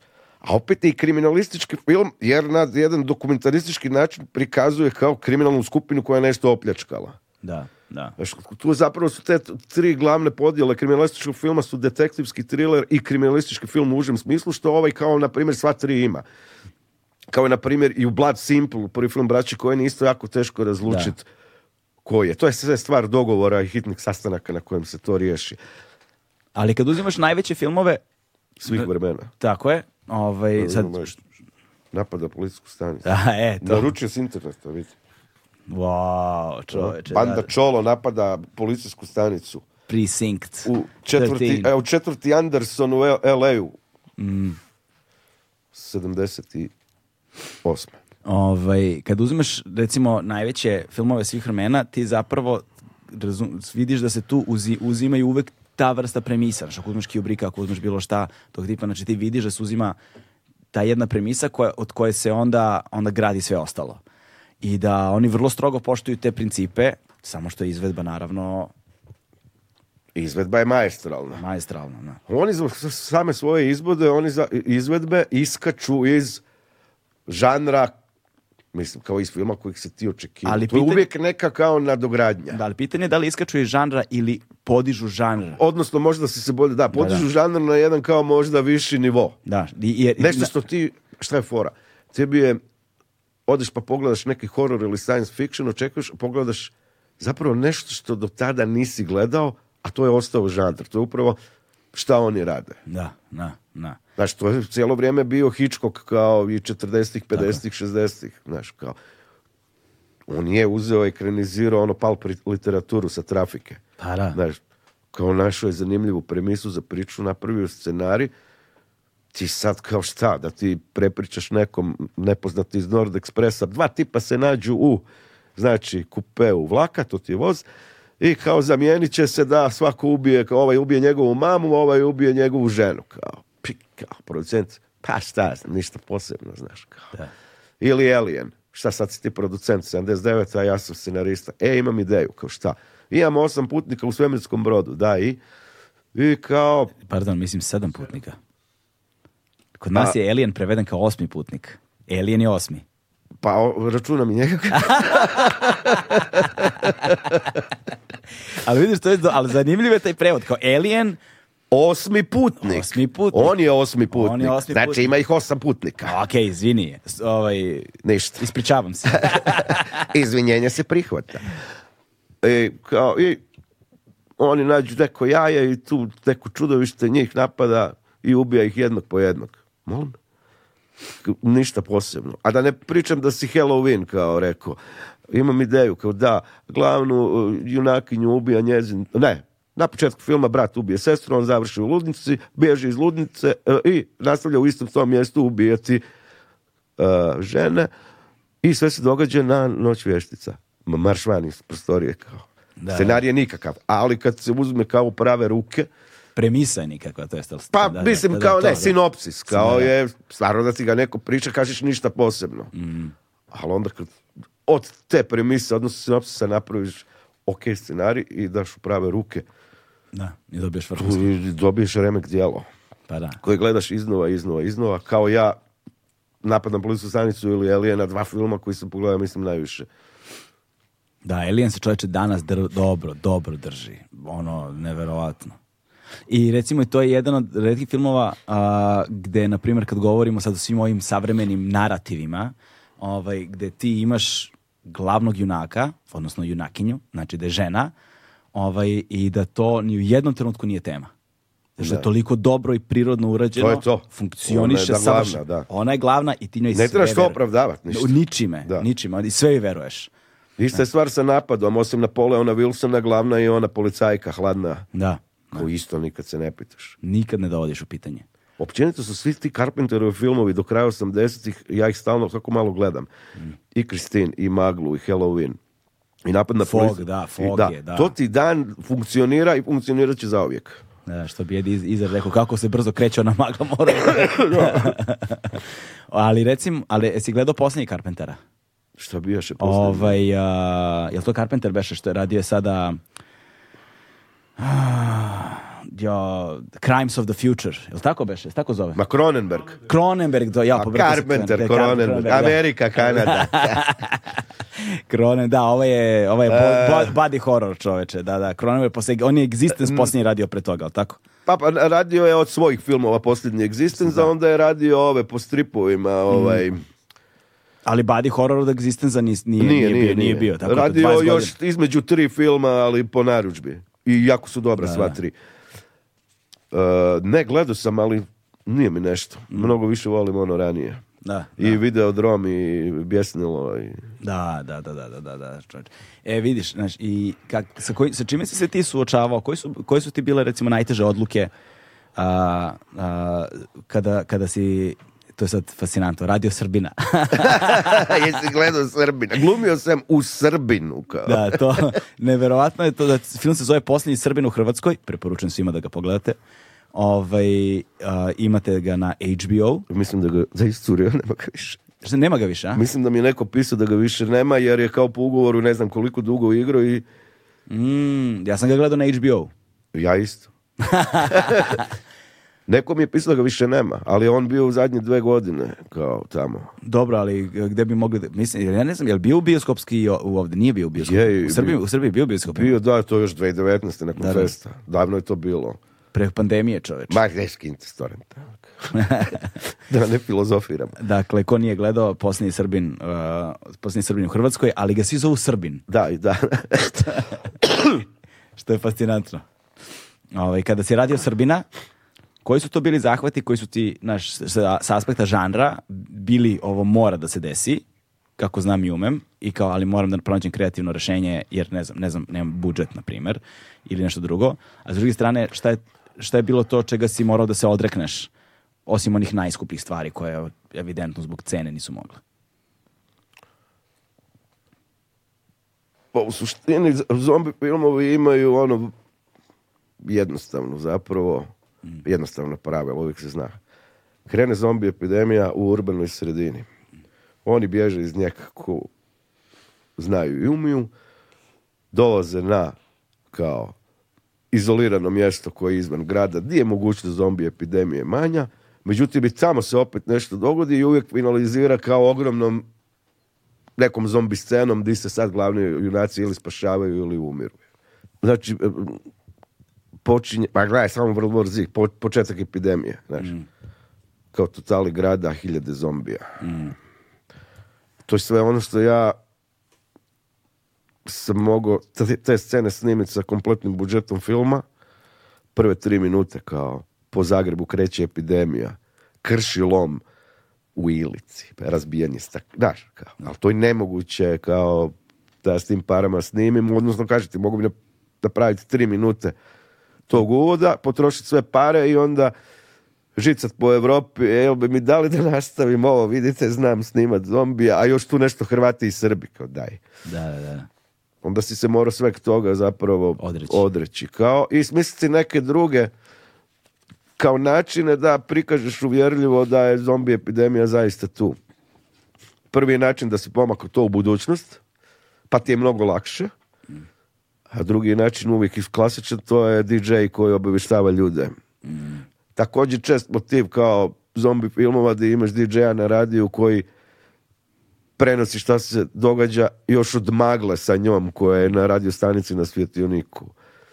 I tako malo po malo kradeš iz drugih filmova rješenja da bi zamijenio u smislu produkcije, ono što ne možeš snimiti sa nečim što možeš, a da je dovoljno uvjerljivo. Ali da je mhm. dovoljno uvjerljivo moraš poznavat žanr i kao uzimati iz drugih jeftinijih filmova, kao što je Magla, na primjer. Mhm.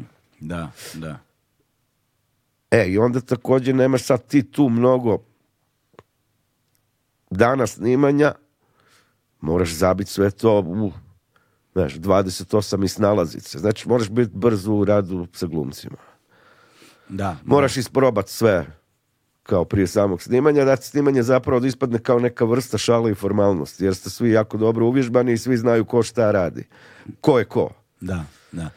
A onda ubaciš tu još da su Srbi otporni na, na epidemiju, da će bilo najpametnije od njihove krvi napraviti serum. E to sad film odlači u jedan novi pravac i ti više ne očekuješ klasičnu zombi naraciju. Da. imaš, imaš izneverano očekivanje, a zapravo nemaš izneverano očekivanje, nego imaš... Nemaš, imaš, ti skreneš malo. Dodati novi sloj očekivanja. Da da, da, da, I sad ti glavna tema postane taj serum, kako ga napraviti? Kako se, serbikum? Nekako, serbum. Serbum, serbum. da. A mogla je malo slovenačke da bude serbom. Serbom. A ne, dovoljno je, oni imaju, imaju ono mapa Velike Slovenije. Da, da, da, da. Da, da serbom, ali je, ali je fascinantno što zapravo ti konstantno dodaješ nove slojeve i onda kada dođe do razrešenja na kraju imamo... Imamo, radi se o twistovima. Pa da, da. Narod užasno voli u kino kao da mu se dogodi nešto neočekivano, da imaš twist, kao ili kao usual suspects šta se dogodi na kraju ili šesto čulo ili to. Da, što više, dobro, ovdje nemaš na tu foru kao takve ogromne twistove, nego kao imaš ih. Kao Srbi su imuni, kao. Da. A onda je drugi zapravo koji je snažan koliko ovaj da kad ti pomješaš srpsku krv i rakiju i rokneš da nastane nova rasa koja se zove Novo Srbi. Imaš i twist da je ova zapravo koju igra Tihna Lazović zapravo slovenska špijunka i bori se za veliku Sloveniju. To, ti twistovi uvijek dobro funkcioniraju. Da, da, ali, ali, novo, ali novo Srbi to poziva prosto na nastavak. Znaš, na, To, prosto prosto poziva na nastavak i bilo bi lepo vidjeti ono, znaš, kako bi se zvao, ne bi se zvao posljednji Srbin u Hrvatskoj 2, ali bi možda. Ne, ne, zvao bi se u Hrvatskoj. ne, zvao bi se samo Hrvatska. Da, da. Znaš, to. Ovaj, ali, isto, da, ali je zanimljivo Također znaš, kad se posmatraš um, uh, ove tvoje kratke uratke, jel te, znaš, ove kraće varijante, jeste da horor, fantastika uh, i uopšte nešto što nije ovde i sada, kao realizam neki, nazovimo da. ga, kog, bilo kog tipa, ako govorimo recimo o alternativnim stvarnostima, ovome ili onome, i ti vidiš na koji način se to radilo u drugim, ono, žalim, od Filipa K. Dicka, pa ne znam, vamo Filip K. Dick je tu recimo vrlo zanimljiv, jeste kako zapravo to može, to može služiti kao sjajna podloga, zapravo da se istaknu ono što su akutni i hronični problemi društva na jedan smešan način koji je opet zloslutan.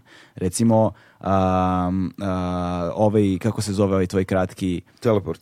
Ne teleport, teleport da, ali ne teleport nego ovaj strip. A, plavi ljudi nisu plavi, da. Plavi ljudi nisu stvarni, znaš. Da. I zapravo ti počinješ od nečega što uh, je kolokvijalno znači se podrazumeva, razum, mislim podrazumeva, kao jasno je potpuno, ali ga uzimaš kao jednu malo drugačiju premisu i vidiš kako, to je bila, to bila kampanja za nešto beše. Za dezinformacije. Da, da, da, da, da, da, što? Za, de, za, za tokom Dezinformacije je otprilike kao ovo što se mi pokazivo, kao e, e, Amerikanci nisu bili na mjesecu. E, pa to, da. Zemlja je ravna, daš, kao to se sad najviše, kad smo bili u ovom lockdownu, je krenula je ta količina dezinformacije, teorija zavjere da sam ja naprosto uživao. Treba biti... Znaš, ja sam iskopao svoju kao bilježnicu iz osnovne škole predrag liči na 5G. Znači, 5G tu je počelo. Kao. Da, da, da, da. Znaš, i to je... Ti misliš da se ljudi zezaju, ali ne, to je stvarno istina. Znaš, i onda sam radio to, tu kampanju povodom svega toga što se dogodilo i te količine dezinformacija kojima smo bili obasipani non stop. A e, ja sam krenut od da da naš poznati oftalmolog počne tvrditi da plavi ljudi nisu stvarnik, odnosno da plavi ljudi, svi koji imaju plave oči, su zapravo vanzemaljci. I narod povjeruje u to. Da. I krene hajka. Sa tradicijom dugom skoro tri decenije, Legend Worldwide je prepoznatljiv domaći brend sa akcentom na jeans, pre svega, koji odlikuju bezvremenski, klasični modeli. Ali, ali ono što je fascinantno je u, tome što uh, ceo mehanizam, ti samo promeniš jednu premisu malu vrlo malu premisu i onda celokupan mehanizam koji već postojeći samo nasliša to. Da, da, i onda je to uvjerljivo. Potpuno uvjerljivo Ti, ne moraš da, ni, ti ne moraš da se dobijaš više da, da, da smišljaš. U tom smislu mi je jako lako. Da. Znaš, kao ja samo sjednem i prekopiram. Ono Bukvalno. Kao postmodernizam. Da, da, od Adoša znaš kako u Beastie Boysi. Ovaj, samo stavim, a onda je kad sve to staviš, pomakneš u 10 godina, 20, 30, 50 ili 100 u budućnost i kad vidiš znači, da će nam možda za 100 godina biti isto ovako pa još mnogo gore, tu se ti zamisliš kao sasvim je moguće. Znaš, jer je stvarno iz dana u dan je kao sve gore i gore. Da. I sve bizarnije. Ovo je sve veći i veći cirkus. Znaš, svi smo mitomani ogromni prvi narodi svijeta i Hrvati i Srbi i mrtva trka jer Isus bio Hrvat ili Srbin ili čiji je gen jači da. a po ovome ti do 2151. će Hrvatska imati nula stanovnika a Srbija možda 250 da, da, jer ima veći broj stanovnika Hrvatska je u 30 godina izgubila milion stanovnika od 90. Da. Znači, 400.000 Srba i 600.000 Hrvata. Kao, znači, ako idemo, a i ljudi dalje non stop odlaze. Da, da, da, pa da. što situacija nije bolja. Sad ste vi u EU, ne nisu nam potrebne radne, radne vize, radne Da, naprosto kaže se ko je najveći hrvatski otok, otok ti ostrvo, Irska. Jeste, da, tamo je veliki broj otišli. Da, ljudi samo idu jer im ovdje jednostavno nije dobro. Ja znam ljude koji su otišli u Irsku, i ovaj, koji ne rade sad za mnogo veću plaću nego tu. Ali jednostavno se bolje osjeća, atmosfera im je bolja. Nema ono svaki dan koliko su ovi pokrali, znaš. Da, da, da, I ko je Srbin, ko nije, ko je Hrvat, znaš. Tamo smo svi naši. Tamo smo svi naši i nema tog opterećenja, jednostavno čovjeku je bolje. Mm. Ono, u glavi i sve oko njega mu se čini bolje. Da. Još jedna stvar koja je super zanimljiva ovaj, u tvojim eh, dijelima, je ovaj, muzika.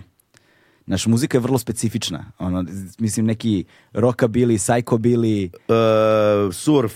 Surf rock, da, to. Znaš, vrlo je, vrlo je, vrlo je specifična i opet nekako, iako stroga žanrovska, vrlo osvežavajuća da se čuje prosto na filmu, da se čuje u nekom video radu, da se čuje i način na koji je, na koji je ona implementirana opet strašno dobro iako je a mislim, i, i, žanr je po defaultu ono najamerički, američki je zapravo, a tek je rockabilly i surf Amerika. Da. Kao ali vidiš da može funkcionirati surf na domaćem filmu, može. Da, da. Znaš, nije sad kao, nije sad kao neuvjerljivo je jer je kao mm. surf, nije. E s tim sam se namučio, užasno sam imao baš popis stvari starih iz 50-ih koje bi ja za film, a to su ti jako rijetke stvari koje sam ja otkrivao preko kompilacija Lux Interiora i Poison Ivy iz Krempsa koji su skupili mm, tako stare singlove bad, su... Bad da, Music for Bad People. Da, da, da.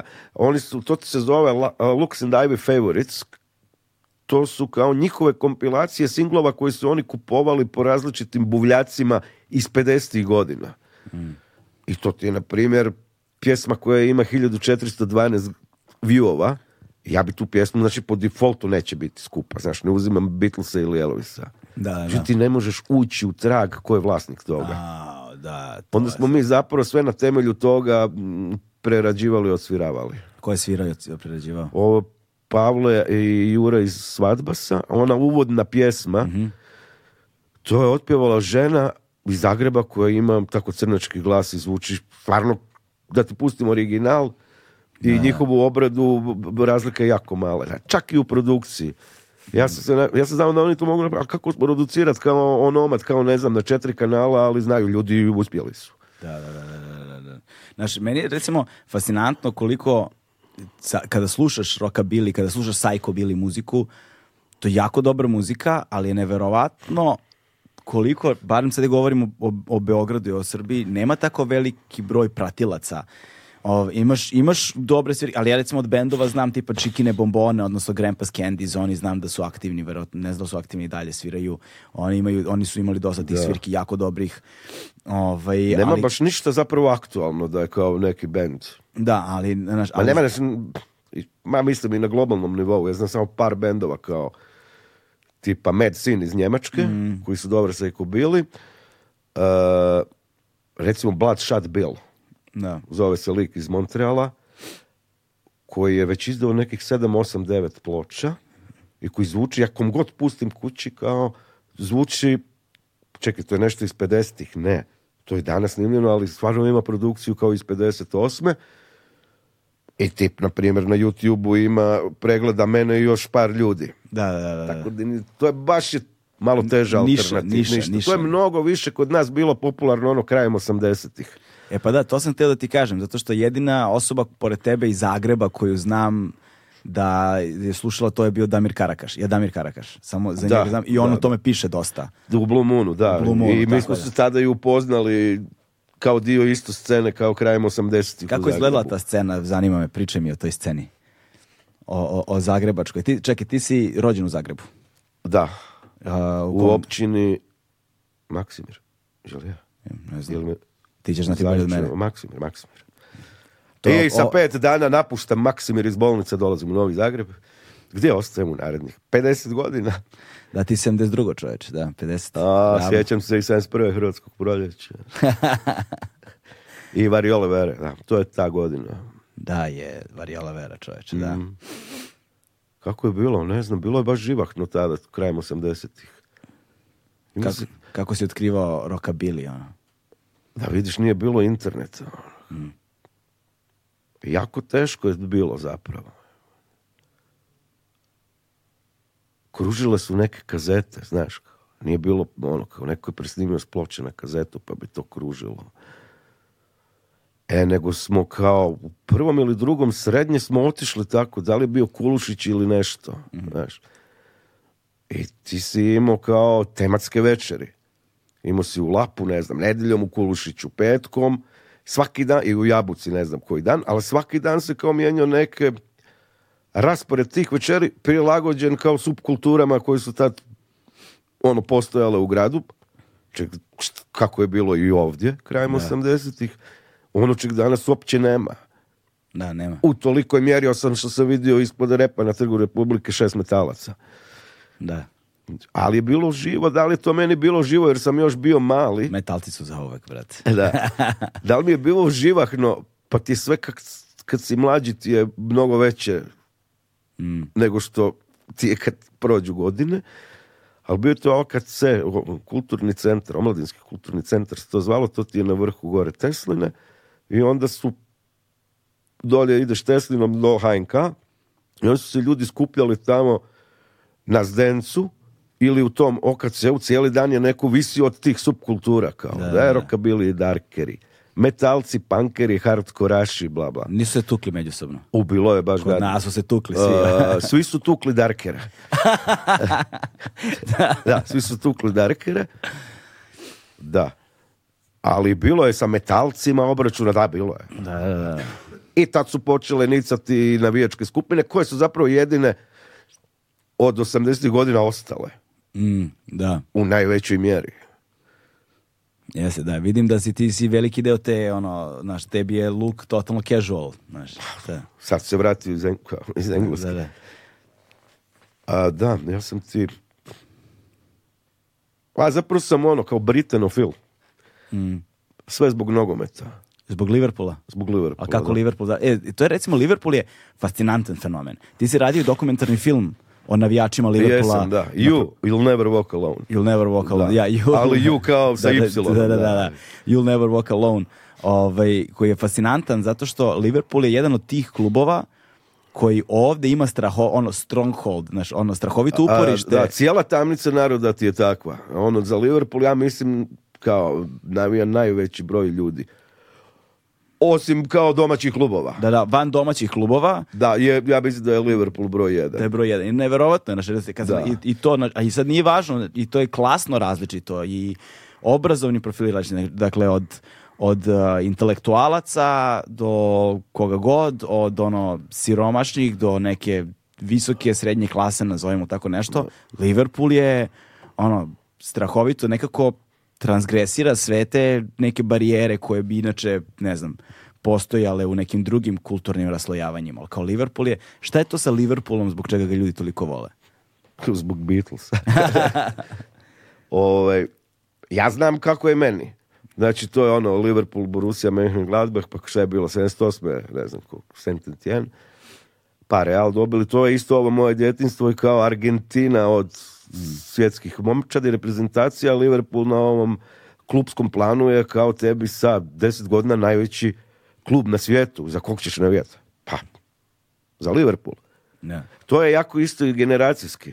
Znaš, to su sve kao godišta od 70, do 80. Koji su nekad i uvatili onog starog Liverpoola iz 70. i 80. kad je bio kao stvarno najtrofejniji engleski klub. Mm. A drugo ti ja mislim, znaš kako, to je dobro Slaven Bilić objasnio u jednom intervju kad je prelazio iz West Hema u Everton. Znaš, ti kao Liverpool doživljavaš da je to neki, nakon Londona, drugi najveći grad. Baš zato što ima jedan veliki kao nogometni klub i jedan najvećih bendova svih vremena. A što je fora? Onda su njegovom intervju pitali kao s aspekta Hrvatske, da li je kad ti prelaziš kao iz Londona u Liverpool, da li je to kad si išao kao da ideš iz Zagreba u Split? Mm. Ili kao tipa iz Beograda u Novi Sad? Ne, to je kao da ideš iz Zagreba u Gospić. Koliki je Liverpool uopšte? Više ja nemam pojma. Liverpool ti je manje od milion. Manje od milion stranika Liverpool. Da, ja sam bio u Liverpoolu sedam dana, ti se prošićeš jedan put, to je to. Hmm. Znaš, a takav grad neke toliko malen grad izrodi, znaš, kao takav klub i takav band. Da. I ne samo taj band, ima dosta toga u Liverpoolu. Frankie goes to Hollywood. Da, da, mislim, ali Liverpool je ono, uh, kreirao dosta toga, mislim, ne samo Liverpool, Man a koliko je Manchester? A, a mislim, Manchester se uvijek računa kao Greater. Manchester je spojeno mnogo gradova tu.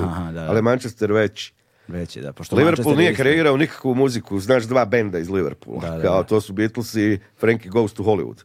Da, da, da. A Manchester, on, svi su bendovi iz Manchestera. To, to, to. Da Manchester je tu, da. A i Manchester ima jedan isto veliki nogometni klub. Jeste, da, da. Mislim na United. Tako je, a svi iz Manchestera vizu za Manchester City. da, zato što je City kao uh, protestantski klub, a United je katolički. Mm, ok, da, više to nisam imao pojma. Da, City je kao više tu gradski klub, a United je ja sam nekako uvijek eh, imao, ideju da je sve, sve to povezano na neki način s radničkom klasom. I da je to se na, neki način povezano sve bilo sa tim državnim firmama koje su bile vlasnici klubova. Ono. I, da je, da, I da je tu privatizacija je odigrala mhm. ogromnu ulogu, da je tu, eh, da je tu, da je tu migracija odigrala ogromnu ulogu u kreiranju tih nekih subkulturnih matrica, načina odevanja, načina na koji, znaš, i kreiranja sukoba koji su postali posle tim nasiljima i tako dalje. Nekako sve to vidim, te 60. mi deluju kao i 70. kao vrlo značajne kada posmatraš taj pejzaž ovaj, kulturnih uticaja koji je, ko, koji je izvršen baš kroz te gradove.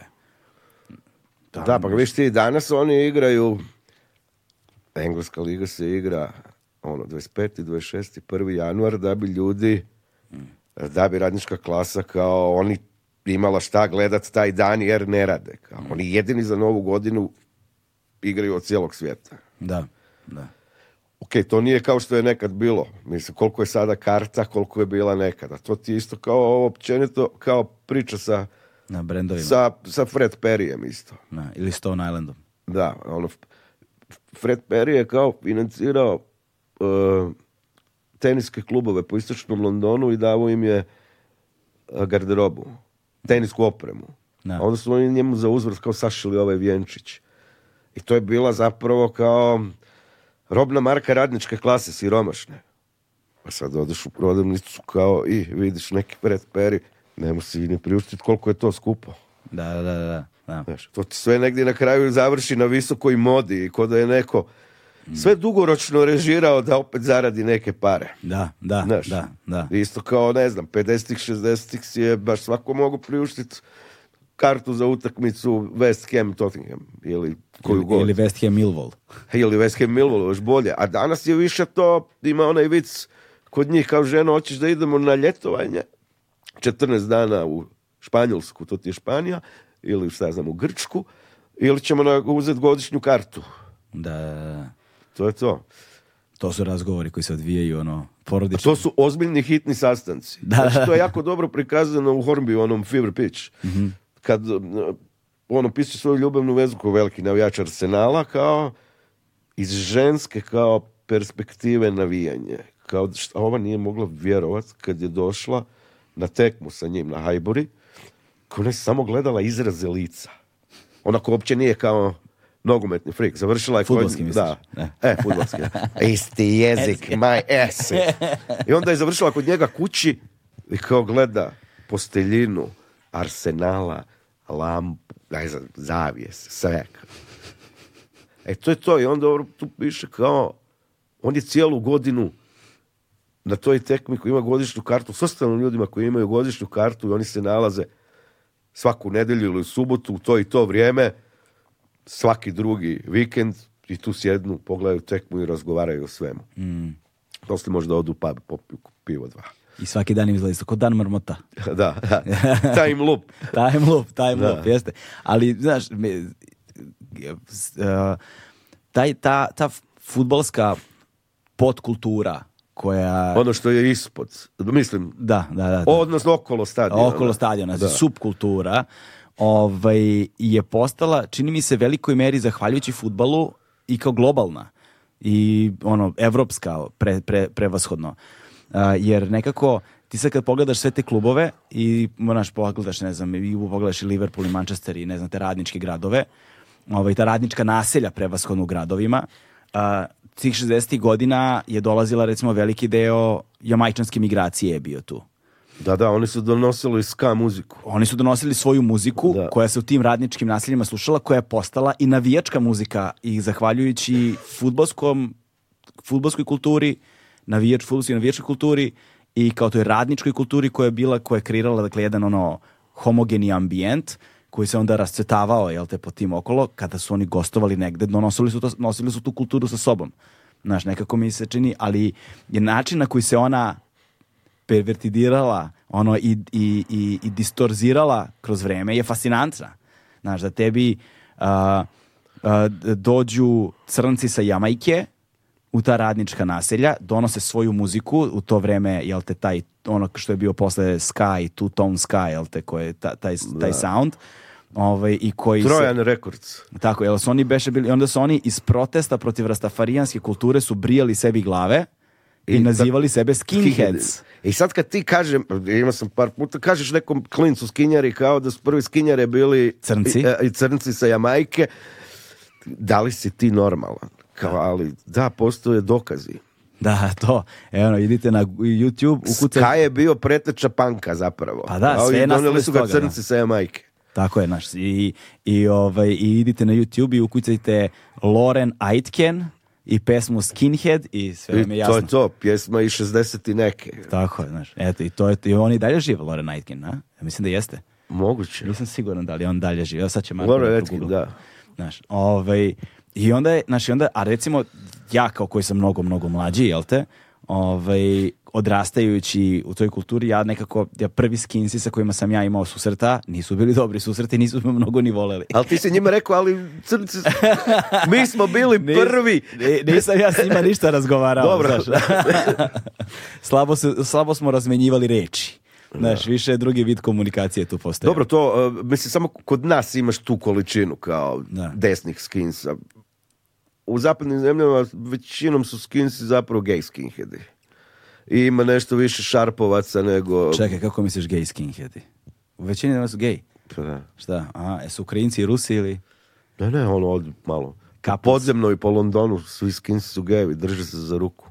Da, to je, da. Gej skinheadi su, to je to. To je to, da, to, Je, to je prava Da, i šarpovci kako da Sharp je u stvari skinhead. Against racist prejudice. Racial prejudice, da. da, da, tako je, jer su morali na kraju da se razlikuje. A ove su nazivali boneheads. Da, da. Tako je.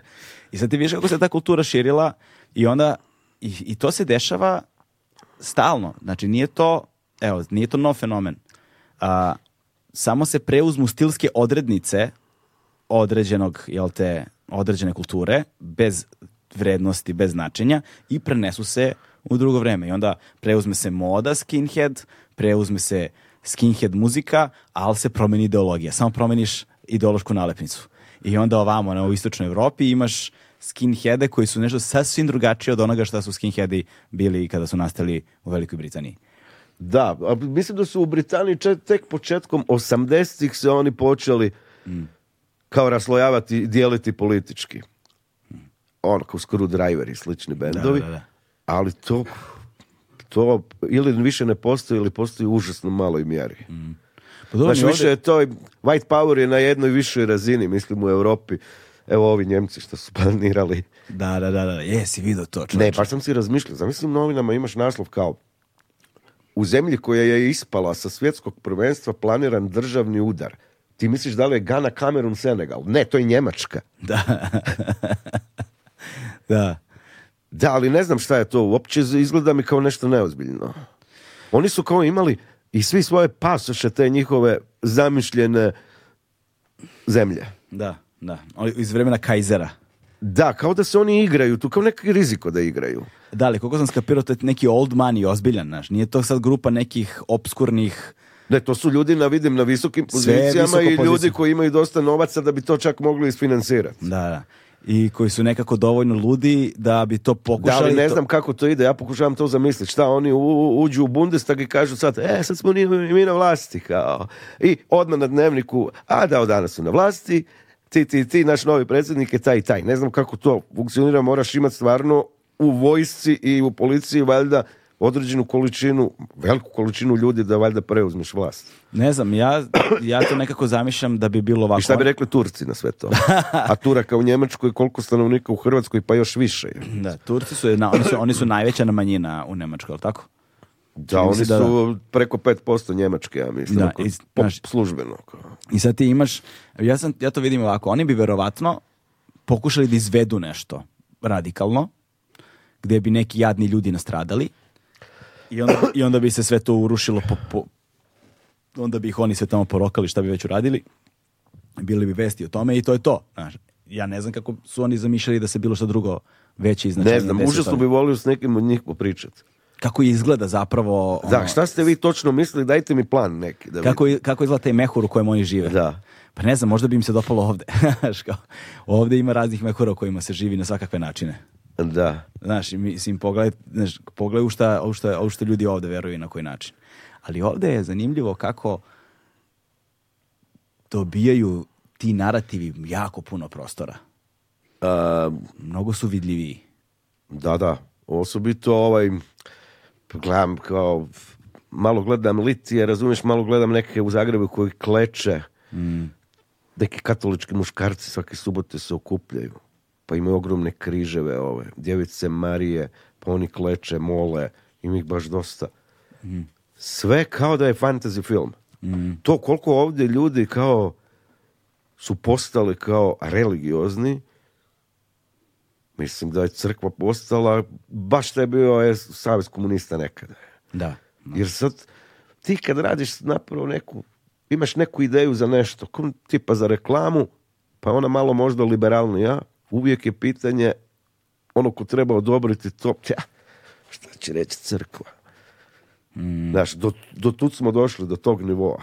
Da, da. Pa postoji, znači, kad radiš sa komercijalnim sponzorima neke projekte, oni, znaš, oni odmah pokažu kao skepsu prema, aha, šta ti tu imaš od sadržaja, čime Hoćeš se baviš. li koga uvrijediti, li ali crkva je uvijek na prvom mjestu. Da. Vrlo A ljudi zaboravljaju da je zapravo prvi zombi zapravo bio Isus. Ne. On je kao ustu iz groba. Pa mislim, prvi komercijalni zombi, u, mislim govorimo o ovom našem narativu, ovom, u kojem, ovom narativu u kojem merimo godine. Znaš, je zombi prvi Isus, ali imaš ranije zombije.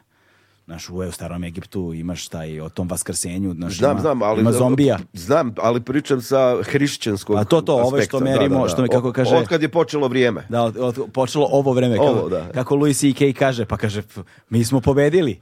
Znaš, kaže, kaže, ajde probaj da napišeš ček i da nacetaš majmuna za godinu, razumeš, pa da vidimo kako funkcioniše kao, znaš, ono, mi smo pobedili. E, ali... A... Ne smiješ ti više ni ono, nekad me, znaš, kao osjećam i oprez da ne uvrijedim nekoga. Pa jeste, znaš, to je... je... to vrlo lako. Nije nemaš ti kao Ricky Žerve, znaš, kad popljuje tamo stave manjine kao gevi, azijati, crnci, ima ih 5%, stalno kukaju. Ja sam bijeli, hetero, multimilijarder, nas je samo jedan posto, jel kukam? Ne. Jeste, ovaj njegov posljednji specijal je ubija. Ubija, da, ubija. On je tu zaista genijalan. Imaš te pora kad smisliš ti nešto da bi snimao na poru, i, ne, ovo ti je, ovo neće kod nas dobro proći, e, sve si uredio. A kako Rikiš, e, a to ti je Rikišer, e, Znaš, to možeš tamo, ali ovdje ne. Da, da, da, da, jeste, to postoji taj da postoji taj ono palanački kompleks naš ovde ovde takođe. ali vidiš ja kad govorim ovdje mislim za kompletnu tamnicu naroda. Pa da, znam, znam. Mislim, da se razumemo. Bez obzira što da. pričamo različite jezike. I to dosta različite. to dosta Da li ćeš ti mene titlovati? Pa znaš šta, ja se sad borim i da te razumem dok govorim, tako mislim da ću morati... Da, možda se mi nekad, ja ne shvatim tvoje pitanje najbolje, pa odgovorim nešto potpuno krivo. Da li ti ja uopšte govorimo da li istim jezikom sada? Naravno da ne. Kako se mi u stvari razumemo? Na šta bi pa telepatijom. Ne, na šta bilo imam, imam čip za prevođenje u glavi. Ne, bilo bi fora da zato nosimo slušalice u stvari, zbog simultanog Da, imamo simultani prevod cijelo vrijeme. Osjećam se kao u Ujedinjenim narodima trenutno. Ujedinjenim nacijama. Nacija, narod. Da, da, da, Mi ne kažemo Ujedinjeni narodi, to ima nekako suviše... Um, a... uh, suviše prizvuk e, starog jeftinog science fictiona. Ne, ne, To da, da, da, jeftinog science fictiona. To ima suviše prizvuk nečeg eh, dobrog. Ja ne znam kako se kaže točno. Da, je, United, United, Nations. tako je, da, jedine nacije. Mi kažemo, znaš mislim, da li su narodi nacije isto? Nisu. Mm, e, pa onda, vidiš, onda smo u problemu. U svakom slučaju simultano prevodimo. Znaš, ja se osjećam kao na nekom na nekoj tribini gdje slušam nekog Francuza i onda slušam paralelno, ovaj, paralelno simultani prevod. Ali, je baš u vezi sa time, kakve su reakcije bile na Srbina ljudi koji nisu gledali? Misliš na film ili kao? na film, na film, na film. Uh, reakcije? Mm. Kritike su bile onako 70-80% vrlo pozitivne, a reakcije su bile skroz ok, bio je tada kao najgledaniji, ja najgledaniji. Ne, ne, reakcija onih koji nisu gledali. Znaš, moram da ti ponovim, pošto... Uh, isti jezik. Spori, spori je ne, spori su ovi sprevođeni. Da, da, da, da, da, da, brže malo to. Bilo, prvo sam, kad je bilo objavljeno na Havcovim stranicama da je pare od Havca za igran film dobio film, posljednji Srbin u Hrvatskoj. I ja sam ovaj stavio na, na face ovaj, status, kao stavio sam dokument od Havca i kao posljednji Srbin u Hrvatskoj spremte se, spremte. Kao za posljednjeg Srbina. Da, da, kao ostao još jedan. Ej tu je krenuo pakao. A, kao, znaš, preteti ljudi to. Ne. A dobro, to traje mjesec dana, ništa spektakularno dok ne vide zombije u traileru. da, i onda sam, ne, onda sam ja razmišljao kao prošlo je od, prošle dve godine, valjda od, kad smo dobili pare dok nismo snimali, sad sam šta će sada biti? Uh, međutim, u tom trenutku kad su valjda ti isti ljudi vidjeli trailer, vidjeli neke zombije, čuli ono masovnu saranu od horor biškica, valjda nije u opsegu skvaćanja, razumiješ? I vjerojatno su rekao, ko ovo on je ovo idiot, kao... Jedino što mogu reći, pa našta hrvatska država i porezni obveznici daju novac. Sram da ih bude. Ono, sramota. Sram da, ih bude. Kod nas je u tom periodu, mislim tih godina, možda koju godinu pre, kada je bio Zombie Walk, pošto su Zombie Walkovi postali popularni zahvaljujući Walking Deadu, jel te? ovaj, kada su krenuli da. zombi walkovi, onda su ove desničarske organizacije. Znam, bio sam, tad sam ja bio u žiriju, fantastik. Ej, da. Idi dobija kao uh, e-mail upozorenja od organizacije Naši. 1, da neće pravoslavnim Beogradom hodati to. ove nakaze. Da, to je bilo nešto taman u oči, mislim da, mislim da je bio i Pride je bio nešto blizu. I onda je bio kao gay parada i zombi parada kroz pravoslavni Beograd, a onda su imali onu šetnju da okade. Da, da, da. to je, znači idu istom trasom i kao sa, sa, sveštenicima da okade trasu. Ima, to ne može napišeš da, Imaš u Zagrebu, vrlo su blizu jednu drugu hod za život, anti-abortus i to sve, mhm. kao turbo katoliko, a malo zatim bude i parada ponosa. I ovo je stvarno kao i, i ovo što se dešava tu i kao u Zagrebu taj hod za život, to je fantazi baš. Samo, samo zmajevi fala. Mm. Ali sve skupa jako zabavan cirkus. Kao. Da. I sad ja uvijek idem tako da to mene nešto ne uništi mentalno pa da si ja mislim o Bože gdje ja živim. Ne, upravo suprotno. Ko je? Ovo nema nigdje. Baš mi je super da ovdje živim. To ne mogu nigdje drugdje vidjeti. Ovdje samo Zmaji fali. Da. Ja sam u fantaziju. I stvarno inspirativno da nešto pišeš i snimaš o tome. Da, da, da. E, ali vidiš, a ti si ta, i onda sad kad razumemo sve ovo, mnogo jasnije se onda razume i ova kampanja koja je odjeknula, baš je odjeknula regionalno, hate Sloveniji. Naš hate Sloveniji. Sad, kako je to, na, kako se to desilo sve? Kako je to nastalo? Nastalo je... A, I kome je palo na pamet tebe da zove? e, to je dobro pitanje. E, Znači, netom prije sam radio za e, Srpsko narodno vijeće povodom izbora. Uh, jedan promo spot koji se zvao Pupi je kriv za sve. A, Milorad Pupovac, pa sam napravio klasičnu kao... Gledao sam ono gde, je zapravo... E, on optužen za sve. Da, ali Pupovac je dok je, je kloniran. Da, da. i on je nagovorio Bill Gatesa da XP nazove Windows jer je to HR na čirilici. Sve ovaj kao... HR, HR. da. I to je jako dobro prošlo. Hmm. Ta jedna kao satira na kao neku desničarsku televiziju koja vidi u glavni, glavni problem Hrvatske države još vidi u, isključivo u Srbima. Da, njih nema, stvarno bi bili Švedska.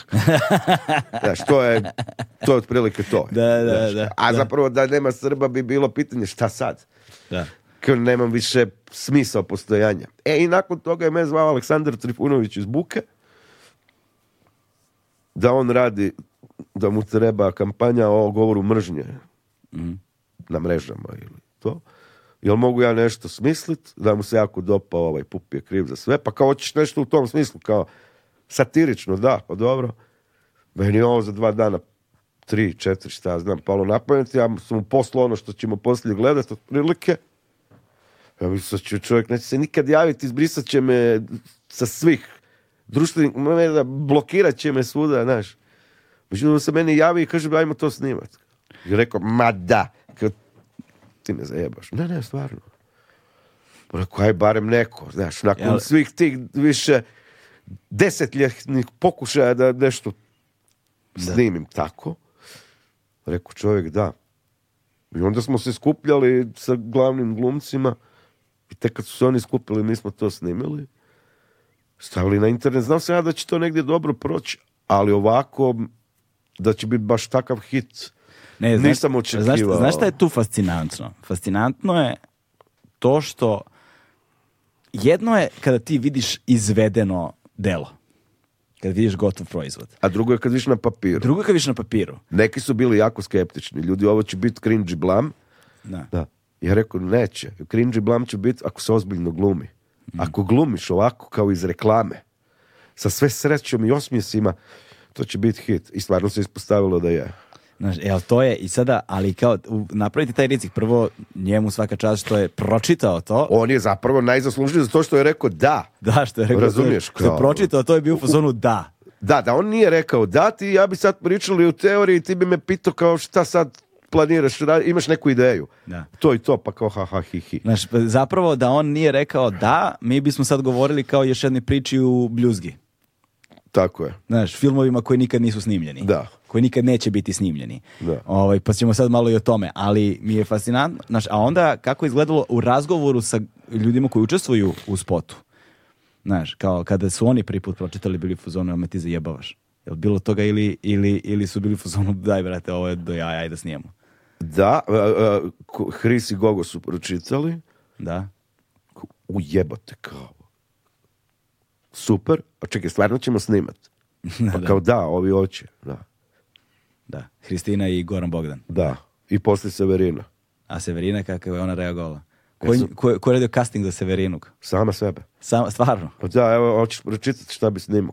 mogu ja biti blagajnica. Možeš. Ubacila se. Da, da, da, da, da. To je čovječe neverovatno. I njoj se jako naravno dopalo. Mm. Da. E vidiš, ovaj, a, ti pored svega ovoga o čemu smo govorili, imaš, dakle, sada ti izlazi i treća knjiga. Treća knjiga, Kada izlazi? priča. Kada izlazi? Mislim, imaju tri priče. U svakoj su tri.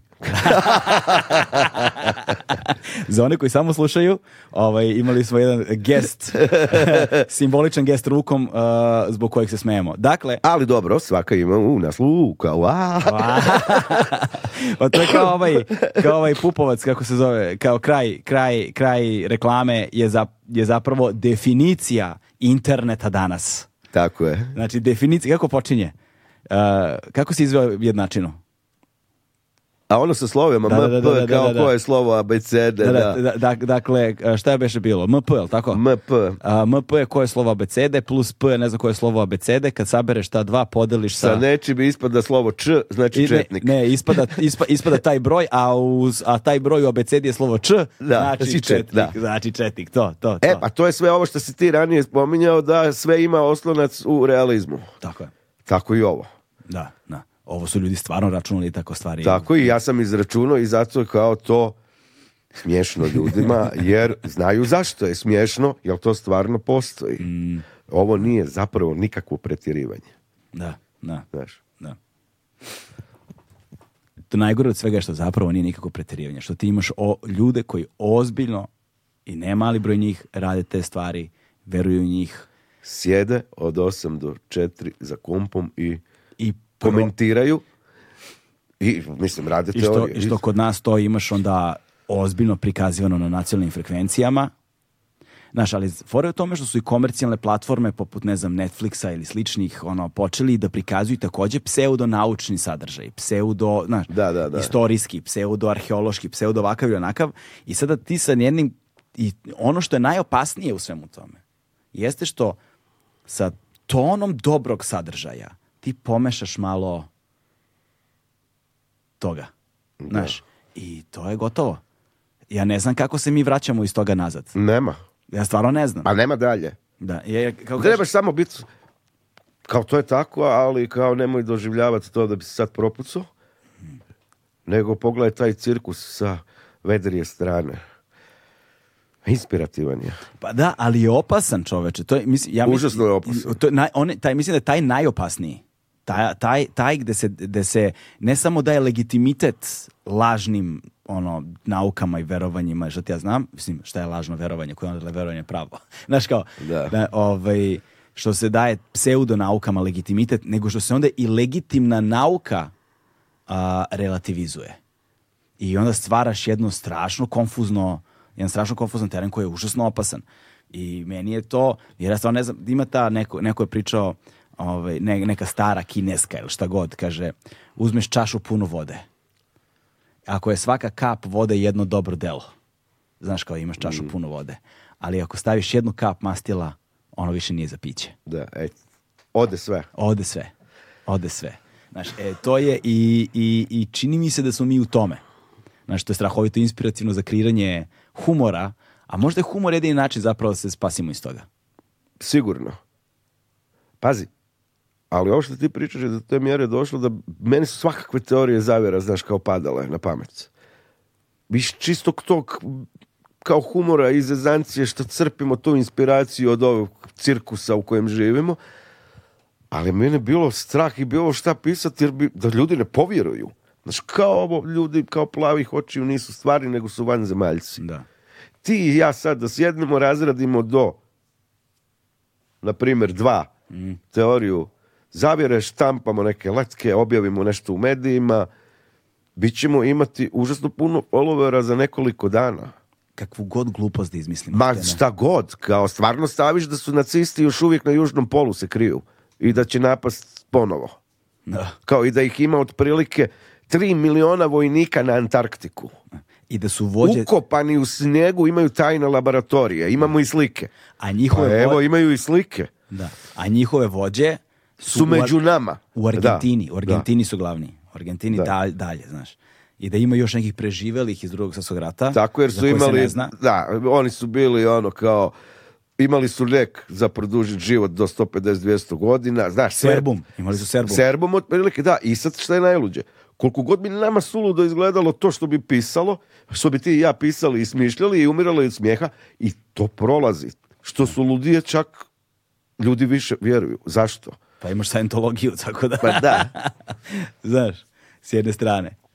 To je potpuno, never, to je potpuno neverovatno. E, znaš, i to je meni, jedan kao strašno, gledam, strahovito, strahovito opasan teren, ali ovaj, i, i s druge strane, kad govorimo, znaš, sad, sad, i onda mi zbog toga sve više deluje da sve ove tvoje priče, kao ti, pošto dakle imaš ajde samo kažemo ljudima ovaj dva dve zbirke priče su objavljene.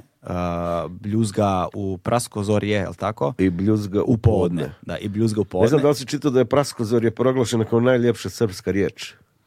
Ne znam, nisam. bila je neka anketa među, ne znam, ono, među profesorima gimnazije tako to i najljepša srpska riječ je Praskozorje.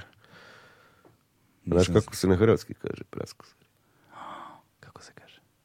Praskozorije. Wow. Ok, ima nekad istih riječi u hrvatskom i srpskom, ali to bi... To je slučajnost. To je slučajnost. To je slučajnost, to, je slučajnost to je slučajnost. Znaš, kako, se, kako, mi, kako je meni isto lepa a, reč a, srpska, a to je a, srpska reč za, za horizont. Obzorje. Obzorje. Da. To zvuči kao hrvatska riječ. Stvarno. Kao neki koji je oni što su 90-ih izmišljali hrvatske riječi. Obzorje je sigurno više zvuči kao Hrvatska nego srpska riječ. Nema šanse. Ma sto posto. To si nešto pogrešio. Evo sad će Marko. Kaže, obzor je srpska reč. Obzor. Pa tako što Hrvoje zvuči kao srpsko ime. Radivo je, spaso je, borivo je, aksenti je, Hrvoje. Hrvoje, znaš. a, ne, a, ne, a vidiš, ne znam ni za jednog Srboja. Nema. Nema Srba. Nema. Kako nema? srboljub, nema. Ima Srboljub. To ima. Srboljub ima, da, ali Srboje nema. Nema Srboje. A Srboje bi bio neki mješani brak. Hrvoja i, I I Srboljuba. Gej miješani brak, naravno. Da, da, da. da. Koga, koga, li bi oni podržavali u, u, u, u rusko-ukrajinskom sukobu? Oni bi bili za mir. Da pacifizam. Gledali bi kosu svaki dan. Da, da. Gledali bi Kosovo svaki dan. Nevjerojatno. E, tako da ti imaš, zapravo to su uh, priče uh, koje nikada neće postati filmovi. To je zapravo koncept. Da ti imaš... Pa mislim da, koncept. Pa mislim, i po načinu koji su pa pisane izgleda tako. Ima, Da. ima kao te didaskalije sve, ono, znaš, kao da postavlja kao scenaristički setup je dosta dobar. Strašno mi se sviđaju dijalozi, znaš, zato što ja iskreno verujem da su dijaloške forme posebna vrsta umetnosti. Znači, posebna vrsta veštine i umetnosti. Pisanje dijaloga uh, je, je, je, nešto što vredno je kao zaista poseban, posebnu veštinu i ljudi koji imaju dobro da pišu dijaloge su ljudi kojima zapravo ništa više ne treba od toga. Ljudi koji mogu da rade najjeftinije filmove na svetu koji će biti i dalje bolji od 90% stvari koje možda vidiš, samo zato što imaju dobre dijaloge. Znaš, Tarantino ne bi bio Tarantino bez dobrih dijaloga, na primjer. Znaš, ne znam, uh, gomila mumblecore filmova, Clerks i nikad ne bi bili da. Clerksi bez dobrih dijaloga. Kevin Smith ne bi bio Kevin da. Smith bez dobrih dijaloga. Mislim, ja ga obožavam, ne znam što drugi ljudi misle o njemu. Ali, znaš, dobar dijalog je strahovito važan. Tebi, recimo, sad kad će biti objavljena treća? Treća je zapravo bljuzga u sumrak. Da, pa sad čini mi se do nove godine ili malo. Sad za koji dan? Sad, vrlo skoro, da. Na, I tu imaš tri priče. Da. Ovaj, druga je bljuzga u sumrak, prva recimo je... Patološki dobra melodrama. Da, patološki dobra melodrama. Evo, tu sam postavio da je mogu snimiti čak. Zato pa što se, e, nju sam postavio da je to science fiction, čija radnja se odvija na jednoj jedinoj lokaciji, ima jedinstvo mjesta vremena i radnje i science fiction je koji se događa 80 i koje već godine? Godinu, Zap, pre, Terminatora. da. Pre je prije. Uh, nju sam baš, sam se zadao taj zadatak da napravim science fiction koji ne pokušta mnogo. Znači, u budućnosti se samo priča. Da. A druge dvije je mnogo teže snimiti. Zapravo, u svakoj od te tri zbirke imam jednu koja je snimljiva, a druge dvije baš i ne. Da. Crnac u Oluji se može snimiti još jedna priča iz druge zbirke i ova. Da. A ko ostale su ono moja mašta i neke moje ideje za filmova koji zbog kratkog trajanja života čovjeka kao vrste a i zbog nedostatka materijalnih sredstava u siromašnim zemljama u kojim živimo, te filmove svakako nikad neću snimiti. Da. Samo sekund, ko zvoni? Mislim da znam ko je. Ovu? A? Možda ćemo morati pripremiti još jednu stolicu. A, koje nikada neću snimiti, dakle. Da. Pa sam mislio, pa sam mislio da to ostane zabilježeno na papiru. A, I pa da. u zbirki priča. Jeste, Hristina, sad ćemo da je ubacimo. Ona glumica. Da, ona glumica, ona glumica. E, ali vidiš, ko, koga si planirao ti glumi crnca? Ti? Ne. to sam pisao za tebe. Znam, crnci Somalije. Da. Znaš, vidiš, ali to je zanimljivo. Ja, kad posmatram Somaliju i Srbiju, oba su na slovo S. Oba su najstariji narodi. Oba su najstariji narodi, tako je. A, obe zemlje su a, zaratile u isto vreme. 91. Tako je. Na, vidiš. Malo ih, malo, malo ih veroispovest jebe. Dobro, da, ali ne može sve. Ne može sve, ali dovoljno podudaranja ima da kažeš da je to to, Mogu da budem ambasador oba ravnopravno. Da, jedan, tjedan tamo, jedan vamo. Da, da. Samo da imamo ko nam je to došao. Ko smeta? O, zdravo. O, Kristina, pa Dođi, čekaj da uzmem još jednu stolicu. Dođi, sedi tu pored njega sad, čekaj. Sjedi. Sjedi. Ne, sad ćeš ti dobijaš i mikrofon i sve, nemoj ništa da brineš. Gdje smo stali? Kod, na, neko zvoni.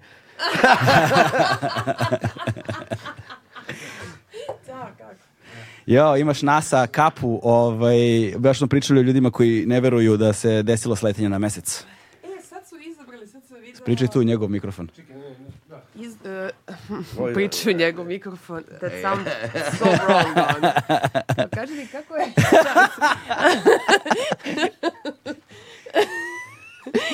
Sad su izabrali nekih 11 ljudi e, da idu na mesec. I svi da, deluju kao da je ono Dooms Patrol ili neka taka varijanta. Ne, nešto nisu baš, nisu astronauti. Tako da imaš... Ko je izabrao? NASA? NASA? Čekaj, video sam, onaj, ima onaj neki dokumentarni serijal na Netflixu gde su, gde su izabrali dosta nekih ljudi koji kao nisu... Pa ja sam se prijavljivala. Ne, Jel jesi prijavljivala si se? Nije me Peki snimao da me možda on kadrirao. Pa ne možda bi prošla. ovaj, sve se gleda, sve je marketing. pa daj to što. Pa ne, znaš šta je problem? Ovaj, njima nije zanimljivo da, znaš, da, da neko iz Srbije bude. Oni su protiv Srbije. Tako je. Pa pa samo mikrofon bi bilo, bi bilo bi super da. Dobro, mi se zanjali. Čekaj, sad ćeš i slušalice da dobiješ i sve. Okay. Tebi će ova emisija trati malo duže jer ja pričam jekavicu. Za ono je, skraćeno. Da, pa pa učilo ti se u školi i nikad ne znaš šta je ije ili je. Vijenac, vijenac. Jer se piše vijenac ili vijenac. Dublet. E, i onda kako to znati? Izgovori to dugačko e, ako ti je prirodno na jekavici, venac, onda i je. Ako je neprirodno, ne, ne, ne, Ako je, ne, ako je, ako je neprirodno e, onda je, nije i je, nego je. Razumiješ? Ništa ne razumije. da, da, ništa ne razumije. A isti jezik. isti jezik, ma jezik. Ne, ja sam, ja, ajde ovako, dakle... Ono kad treba da skrati skript, on samo izbaci... Uh, I je, i je, i pa onda ti je skraći skript. To je... Um, mm. uh, uh, na hrvatskom je teže pisati na Twitteru. Jer pa manje, manje karaktera. Odnosno, ma, manje reći možeš... To misliš metafora ili... Ne, pa ne, ne koristi, koristi A Ne karaktera, ne karaktera likova, nego karaktera u smislu slova. Tako je. E, ne, isti je, ne, isti, je, je broj karaktera, ali njihove reči sadrže više slova. Zbog je i je. Zato krati tako svoj. Da, kada... mi jesu? ali ja sam majstor da ubacim to ne, treba. Ja sam radila dve godine tamo. sam stop, stop, stop. Kako ovo je čist južnjački, pazi južnjački bi negdje. Znate, ono, igrala sam Hrvatica. Kod Pekije se to nije desilo na njegovom setu. I čekaj, ali postoje pravila gde ide i j, da. gde ne pa ide? Pa sad sam ti rekao, ali me ništa... Aha, e, e, aj, ako sam te... Šta hoćeš da ti na somalijskom kažem? Čekaj, ono. Možeš i na arapskom. Da. Pazi. Dakle, uzmem, uzmem reč i kad izgovaram je, i ako mi je, i probam da izgovorim dugo je, kao vežba. I ako mi to dugo E zvuči neprirodno, onda ubacujem i Ne, ubacuješ I. je. Ako je pa prirodno, onda ubacuješ I je. Pa venac nije prirodno. Ma nemoj. šta je prirodno, a šta nije? Pa sad te to pite kako... Venac. Venac. se uopće piše sa ije ili je vijenac? Sa i Sa Vijenac. Evo, dete. Dete. Jel prirodno ili neprirodno? Neprirodno. Prirodno je. Piše se dijete. Ko je to sam smislio, majke tako ste u školi učili, stvarno? Tako, da. Ozbiljno. Nešto si ti tu Šta? Čekaj. kako se onda razlikuje vijenac Kao, kao, možemo Od promenimo temu. pa imaš, u crnogorskog Crnoj, je uglavnom nema ije, ne, ne, je. u, u Crnoj Gori je gorski vijenac, a u Hrvatskoj je međugorski. Ljuča. Ljuča da. mikrokozma. Šalim se. Da, pazi, a to je sve zapravo uh, ostaci staroslovenskog uh, uh, glasa jat koji je nestao i onda koji je nestao sa jat, Srbija. sad je Srbija, da. Tako je. Imamo iste šale.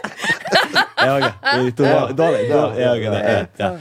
Da, Kad stari kažu glas. stjordese, dobro večer. Ne, jer recimo, na, imaš na primjer, imaš DJ, ali će negdje da izgovaraju DJ, a negdje će DJ da izgovaraju kao Đ. Da, mene zove. je djevojka i djevojka. A pa ne, Zavisi to od karaktera. Za, da, da, Kako si čovjek? Kako si čovek, kako si fin djevojka, ako si Ne, ona... svi kažu djevojka. Djevojka. Djevojka. djevojka kažu samo dje. Djetić, ne kažeš djetić. Evo, ajde reci, Ajde, da... Najluđe mi je bilo, najbolje kad, kad su napravili u Trnoj Gori neki keks, zvao se džetić. Ma nisu, na, nije to bilo, da to bilo davno, ono u prahu pa Đetić. Pa onda piše mleveni džetić. Da. Kao da je neko izmio malog. Đetić to bi bilo najluđe, kom. mleveni Đetić, bože. Ne. A nema veze. Malog brkatog, ovako. Mlevenog. dakle, treba da snimiš novi film. I da će Crnogorci imati značajnu ulogu. Kad zoveš kod toga. Da. Jel tako? Mislim, reci nam više. Oću. Znači, to je spin-off od prethodnog filma u kojoj sada glavna junakinja. Ko? Hrvika Horvac, koju će igrati sad kao neka druga. Pa, a pa znaš da bi to palo na pamet? Da, ćeš, da možda ti se to kao, desi. Već sam u pregovorima, ne znam, daj neku Majke to palo Već sam u pregovorima sa Clary Dansk. sa, sa Umom Turman. Da, Uma Tuđiman.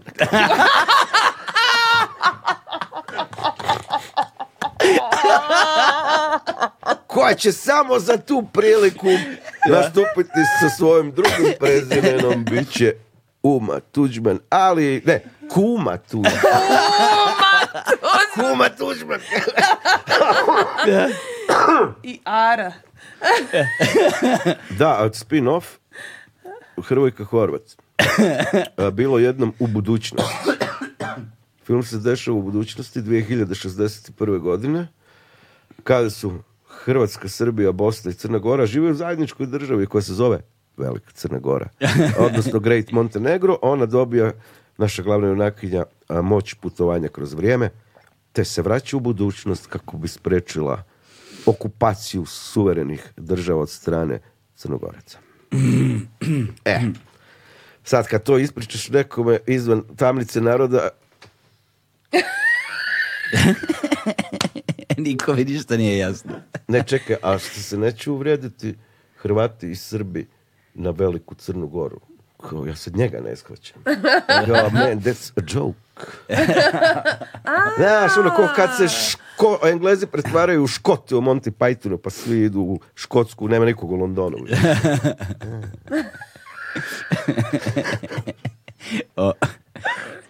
kad si već pomenuo u kumu Tuđman. Ovaj, šta god smislili, ne može da bude bolje od Kevina Spacey-a kao Tuđmana. Ja, Remek. Jeste se gledao to? Se gleda, režirao je. Ma pa vidio sam čovječe. Ja sam vidio samo trailer, nisam vidio film. Ma nisam, pa ko je gledao film? Nemam pojma ko je gledao. Mislim da je neko gledao film. To ti je film Jesi ti to? ma on se pojavljuje u jednoj sceni, drži neki govor na nekom groblju. I to je to. I to je to. Na groblju. to je neka moja priča. ja čekaj, ja sam mislio da je kao Kevin Spacey glumi Franju Tuđmana kao glavna uloga i kao ceo film Tuđman ne, priča na engleskom izgleda kao Kevin Spacey. a to je neki treš dokumentarac. A, to je bla, I sad imaš igranu jednu scenu gdje on odglumi minutu i po dvije Tuđmana, kao on je Tuđman sad i nema ga više nikad ni znači, prije ni poslije. Znači sve je kao PR i marketing. Ali opet ti za oca Hrvatske domovine i za prvog hrvatskog predsjednika ti uzmeš ono gej silovatelja. Da. ti ga glumi, mislim stvarno, ko da sam ja smišljao. Jeba, kao ovaj neko ozbiljno kao došao na ideju, ha, možda Kevin Spacey, on je poznati, nikoga ne želi. Zašto ga niko ne želi? Pa znaš, kao silova je neke klince, dobio je presudu a da, ili svećenici klince, znaš, kao, znaš, pa kao, uzme, uzet ćemo ga i stvarno, došao čovjek bio u Zagrebu, jadan njemu najteže sjedi tamo, gleda, ti sam ja, ljudi moji. Ti je, ovaj. ti za sedam gore.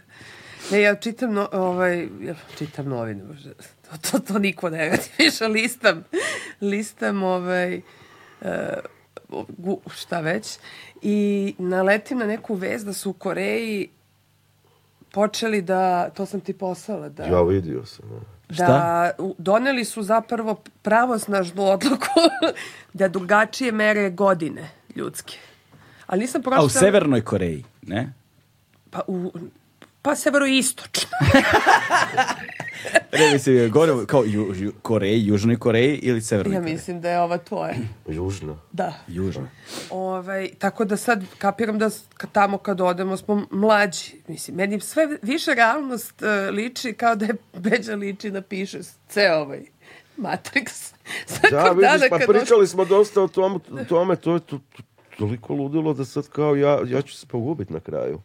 Ja neću imati neću imati ideje Bićeš kao... realistični pisac. Ja sam zapravo realizam čisti. Ti si ja sam... pozni realizam. Ti si kao, kao, kao Dostojevski. Ja, postajem potpuni realizam. Znači ja mogu ići na ozbiljne festivale ako sam tako realizam. To ovo više nije ni fantastika, ni science fiction. Znaš šta, vidimo znaš, u kanu. Znaš šta je fora? nije to više ni realizam, ti si postao dokumentarista. Tako, da, Dokument, to su dokumentarci. Dokumentari, to nije ni mokumentari. nego dokumentari. Sad čekaj, by the way, kad već govorimo o mokumentarijima, jedan smo propustili da pomenemo, onaj What We Do in the Shadows. Remek. remek Kako? Remek, Remek. osobito volim epizodu kad dođe Mark Hamill. Kad je on gost, njih dva igraju biljar i onda se posvađaju po tuku i obojice slome one biljarske štapove i naprave križeve ovako, koji se zapale na trenutak i oni ih bace. Jebe. Meni je dobro. To je toliko dobro. Jo, meni je e, fantastično Ali kao da nije e, život vampira jednostavan. Da, da, da, da. Ima svoju dinamiku. Da, ne, svi su vrh. Pa film sam gledao, nisam da, gledao. Ali seriju. seriju nisam gledao, ja sam gledao film pre, ne znam, deseta godina. Ne, mi o seriji pričamo. Ono kad se posvađa. serija je top. Top. A nis, e, serija. Ima žensku Moraš seriju obavez, i to je na HBO-u, ja mislim. E, to ću onda da gledam. Imaš koliko, 3-4 sezone. Da. E su isti glumci kao u filmu? Ne, znači sve je samo spin Samo je ista, ista je Premise. postavka, je, da. Ali kad se nađu sa... Oni su cimeri na gajbi, to sve. Oni žive u kući njih četvero i, i energetski vampir. Jo, to je najjače. Koji, energetski, vampir, je, koji to je to. radi u firmi i kao koji sisa ljude sa potpuno, sa do, dosadom, tako što je dosad Gruva ih nekim informacijama i bla, bla, bla, bla, bla, i ovi svi kao, a onda mu dođe kao konkurenci, dođe riba ovaj, u, tu hmm. kancelariju i kao, one su, mačka mi je umegla, tako sam bolesna. Znači, svi oko nje kao, sad je frka, uzima mu... ono, source, izvor mu uzima, da. I onda ona ide na žrtvu, da je žrtva i da je teško. I onda se oni pobiju. Mm. Pa se smuvaju. Ali pošto sisaju jedno drugo... Ta romansa nije dugo Kad smo kod uh, e, dokumentara jedan fenomenalan, zove se Confederate States of America, bazira se na teoriji da je e, konfederacija dobila u američkom građanskom ratu i da robovlasništvo i dan danas postoji. I sve se bazira kako su rock and roll, NBA, svi su iz Kanade. iz Kanade. Čekaj, ali znaš ti koji broj ljudi kod nas veruje da je Houston We Have a Problem dokumentarac. Znam. To je neverovatno. Ja svako malo... Ček što nije. nije. da, Tito svemirski program. Ja sam mislila da je Branka Šelić baš bila u tom svemirskom programu. Ovaj, pitanje. Zom, ne, to, zombi... Ovako. Šans. Zombi ili vampir? Ej, Guča ili Exit. Šekspir ili Čehov šta bi bio? Pa ne, šta ti, šta, ti je draže, vampiri ili zombiji? Pa zombiji su bili, ali kako sam se godinama sam se malo uzbiljio, razvijao, razvijao. kao ličnosti osoba, tako su mi u zadnjih nekoliko godina su vampiri ipak. Mislim da vampiri su mnogo ozbiljnija tema, da su zombi mnogo zapravo površnija priča. I zato baš u novoj knjizi imam jednu priču koja je u potpunosti posvećena vampirima. Tako mhm. da, sad za ovo vrijeme vampiri. Ali ja jako često mijenjam mišljenja. Ali ne, ne možeš kao zombi ili vampiri. Možeš vampiri ili vukodlaci. Zašto? Pa tako je to. Ne, ovo su... to je prosto tako. Da, previše su, možda je upravo previše su to dva različita, to različite pojave. Da. Mm, da. I vukovi i kao vampiri su, vukodlaci, pardon, i vampiri su onako arhi neprijatelj. Zašto? Mislim su vampiri vukodlaci? Kao, izašao onaj film kao... Pa imaš What We Do in Shadows kad se pobi, oni vampirima smrde vukodlaci. Znaš, i oni su onako malo... To je, kod, da li više voliš ono planinu ili ne znam, aliena? Da. Ali ima Ja sam se samo stavio šta bi ja radio volio biti. Naravno vampir, jer zombi nema možda i dobro nemat mozak. Zavisi gdje živiš. da. Ali ima dobro... često slušamo u našim krajevima ovo, koji zombi Da, da, da. Koliko se zombi zapravo često po, pojavljuje kao Ti, zombi se pojavljuje čak i kao pojava u, u svetu insekata. Ti imaš one mrave koji za koji potpuno su to mravi beše. Šta su? Jeste, mravi, mravi, insekti, mravi, da. Insekti imaš i čak i neke gljive, e, pečurke za tebe, ove, koje su kao kordicepsko zapravo ulaze i kontrolišu mozgove bića koji ih konzumiraju. ne, pa da ima i onda i onda te, te, mravlje kolonije, oni mogu da nanjuše mrava koji inficira njima mhm. i, onda ga, i onda se žrtvuju, napadnu ga ono, ja kažem, glavu i onda i odu od kolonije da i oni umru. Onaj eh, Adrian Čajkovski, britanski science fiction pisac poljskog porijekla, ima tu knjigu. Zove se za budućnosti koji se priča o razvoju pauka koji dostižu kao veću inteligenciju ljudi, a prvi kompjuter koji su napravili, napravili su od mrava. Mm. Jako zanimljivo. Imaš Pročitaj obavezno. posudit ću ti. Evo sad, u pauzi, znaš, Između, dve lokacije. Ja, ej, ja moram da kupim ovog, nisam, zapisao sam ga. Sad ću, Šta? Sad ću si reći. Stoji mi zapisano, ne, ovo je, ovo su štrukli. besede o zemljenoj prošlosti. A Lic i sin. A, i sin. Da, njega ja nisam čitao. Ona je nažalost ja Ja sam sve tri. A, ne, ja sam Sada čekamo ekranizaciju. Pa ne može kad su se poubijali međusobno. Da, da, jedan producent ubio drugog producenta. Mogu priprema te serije, da, da, da. Ali to je tako ide uz knjigu tu. Da. Ovaj, a drugu, e, mislim, to je e, genijalac jedan prevodio. Daš čovjek iz Priboja koji živi u Kini. Direktno s kineskog. Direktno s kineskog je prevodio. I ovaj, međutim, e, imala sam neki, njegov rođak me zapravo uvalio mirovac da je druga knjiga su izmišljene Približi se samo mikrofonu malo, slobodno. A sad je Ogi kriv. Sad je Ogi kriv. ovako može. Ne, samo ka sebi malo. Mogu ovako, molim. Možeš i tako. Skratim Mislim, nikad se nećemo razumeti. Pa ne, ako se ovako kao ribi ali, ali mikrofon samo ka sebi okreni. Da, mikrofon. ka sebi malo. Blondes se. Da, su usmereni mikrofoni. Znaš, ne možeš nemoj da ka njemu, ka ovako sa strane, baš moraš malo na njega, znaš, da se nasloniš. Evo, redi, ne što god da rekao nešto loše. Divan ti ovaj toranj. Evo ovdje ima... O Bože. O Bože. Brutalizam, a? krivi toranj na krstu. krivi toranj na krstu, da. Evo ga. Ko si toranj na križu? Evo ga. Evo Alien. Alien. E, Evo ga, Alien. Alien, ali ne on zombija. Doduše imam Edija iz uh, Iron, Maidena. Ali vidiš, i Alien je... Samo ova, su... ova mi deluje malo advanced, ne liči mi mnogo na onog... U originalnom Alienu ti zapravo ne vidiš jednom trenutku čini mi se celog Aliena. Ne baš. Ne, vidiš samo onu glavu. Pa vidiš glavu. kad je bio mali. da, kad je bio mali, da. Ali ne vidiš ga celo. Kasnije dobijamo ove, ove super... Imaš u četvorci ono kad plivaju, ono mi je majstralna scena. Moram da priznam da nisam stigao do četvorke. Dobro. nisam, sti, nisam stigao do četvorke i ovih spin-offova silnih Alien vs. Predator i to. Ma to nisam ni... Jesam, gledao sam, Luminicu. Čekaj, a ovaj, kako se zove? A, Prometheus. Kako se zove film? Prometheus. Prometej, da, Prometheus, jel da? E, taj, a?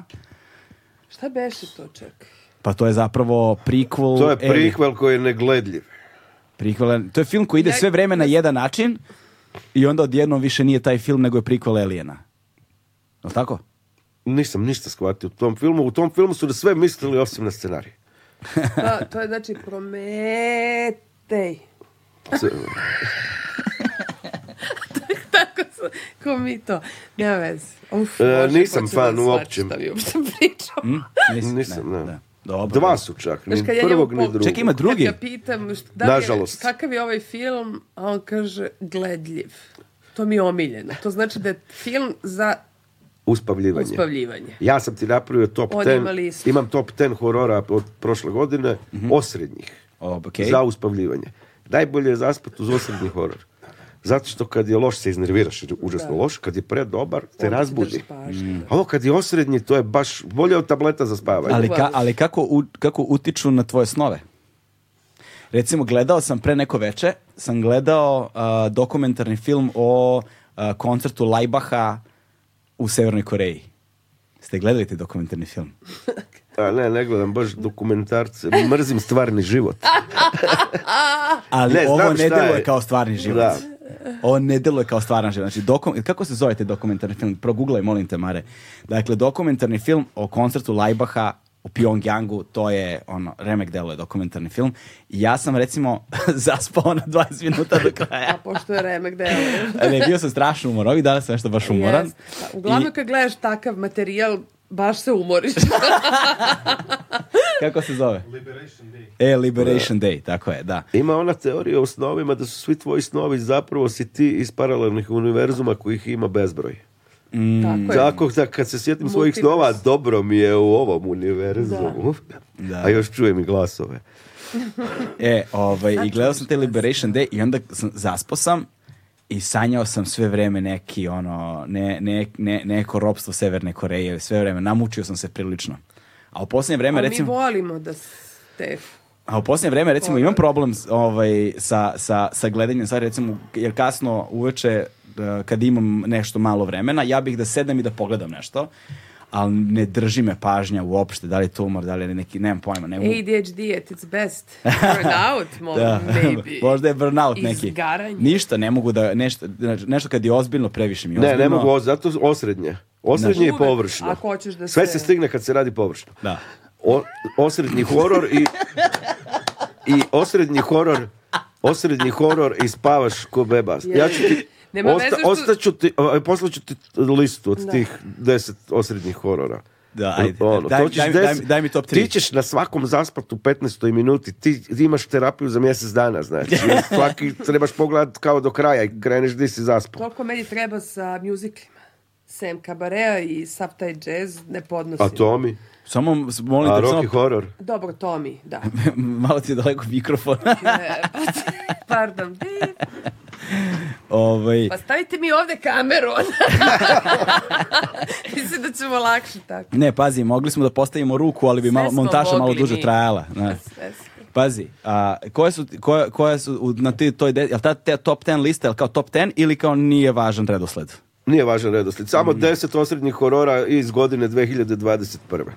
O, znači to je sve novija To je sve novo. Da, sad ću za 2022. spremam O, listu. Pa, ajde da snimimo jedan takav kod na Pa Čekaj, osrednji horor, ali šta tako dobar. Ne brini se, ja, ću da igram. ja ću da Koji su najbolji koji, koji su najbolji horori koji si gledao ove godine? Evo sad, taman ovo je jedna decembarska epizoda. Mad Heidi sigurno nije, ali Smile je bio dosta jeziv. A meni nije.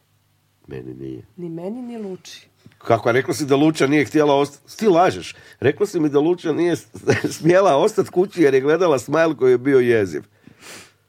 Pa ne znam, prilično me zajebava tako što i sobe ima taj... Smajl mi je bio još, Black Phone mi je bio okej. Okay. Si gledala Black Phone? Ne, bio odličan, mi je bio onaj Fresh. Ja fresh koji počne kao romantična komedija. Znači, po njih dvoje. I odlaze na već je 25. minuta filma. Da. On nju vodi u svoju kuću negdje izvan New Yorka. Sve divno. Dobro, ono, kostimi, sve. Baš poštivanje romantične komedije. Kad ne. Tip drži tamo gomilu ljudi i kao hrani bogate ljudoždere. I ona bude zatvorena kod njega u kući on je hrani i doći će za sedam dana dan kad će morat koknuti, razrezati na dijelove i pa poslužiti perverznu večeru. Pa ja, godinama radim na toj ulici.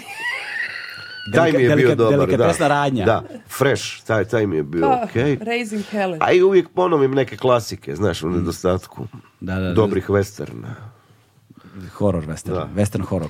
E, sad, su, sad su jako popularni, to mi je Peki provalio ove ko, horror komedije. Zašto ja... nije uvek bilo popularno? Pa ne znam, meni nisu pa, bile smešne, meni da. su bile strašne.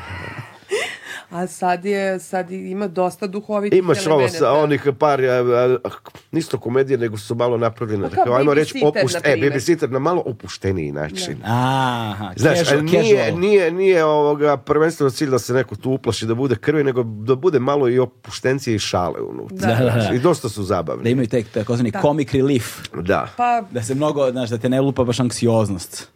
Jo, ja krenula da gledam onaj dokumentarac, izvini, peki, o Xanaxu.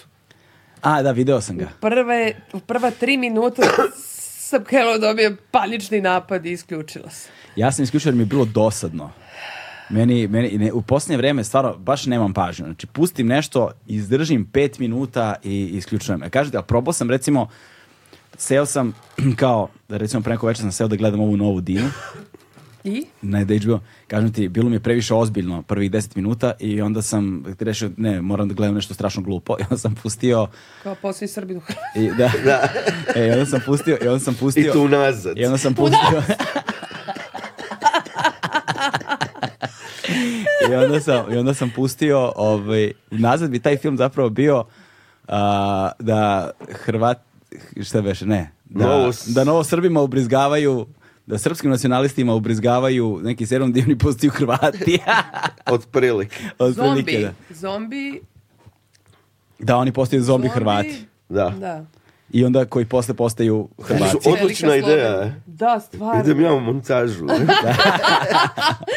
Znaš, unazad bi taj film možda bio kao, imao jedan totalno novi ovaj, e, skup značenja. Kako ti imitiraš ovaj, sve unazad? Imali smo i tu fazu. A to sam prerastao. Da. da. to je kao pokušaj... Twin Peaks. Ne, radio, da. E, snimio sam je ja. Ali, to, sam. horor efekat koji je Lynch postigao sa tim. Time, onaj, to je Lodge sin, onaj u Twin da. Peaksu, to je... On mi je deči rođendan snimio ovaj, unazad. Samo trebaš u Go... Da, ona je unazad govorila. Da. Ja sam je samo kao snimio. Reverso i govorila je unaprijed i stvarno je ta ideja, kako on došao na tu ideju, baš je scary. Da, da. Znaš, zvuči kao, sve zvuči, kad prije nego što vratiš, nego slušaš ovo unazad, zvuči ko mađarski psiho. Mađarsko-finski. Pa da, mađarsko-finski psiho, gdje sam to, a, naučio, etinivzi gob zadir, je pamar gorb.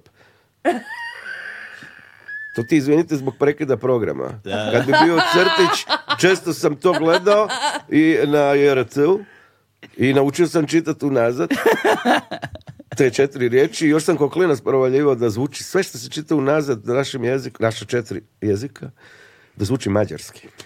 Da, tako i šatrovački može da zvuči. recimo, mi da je šufla seleki. da, da, mi kisele. Da. Znaš, zvuči... Zavisi kako je... ali malo sam ga otpeo, malo sam ga lažirao. Pa, malo si ga Mi ideš u seleki. Ali opet zvuči, evo. Možeš i midna, ono... Kad se sam ni libo da se sam ni ni dila probu... Znaš, Šta bre? ljaže jamo, lježa, kako ide? Kad se nisam kako, bolje okay, da se nisam... Da. Znaš, može zvuči A, čekaj, to si na sa, šatrovačkom otpavala. Da. znači, ne bi provalio nikad u životu. Ja, čovječe, ćemo, ono, završavam. E, 12 sati je. Uh, pomaže bok. Bok ti pomogao. Trebaš samo više biti kao purger. Bog ti pomogil Pomogil. Bog ti pomogil. zar, to nije, a to mi zvuči malo slovenački. To je Hrvatsko Zagorje i Zagreb. I samim tim je slovenački da pošto u graničnim područjima pošto u znači, graničnim po, u pograničnim područjima ljudi dosta slično pričaju a kao što smo zaključili Hrvatska je zbog ovog oblika je cijela uz granicu cijela je u pograničnom kraju tako je pa da je. razumiješ Tako da je... Kao Čile, znaš. Pričali smo o Čilu, ne bi mi troje stali da neko ne ispada u Argentinu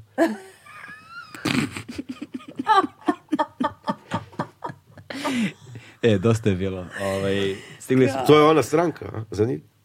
Do, daj, Sve je to zbog ovoga. Ti si i strani plaćenik iz Mogadišu. Jesam. Mogadiš. Pad crnog galeba.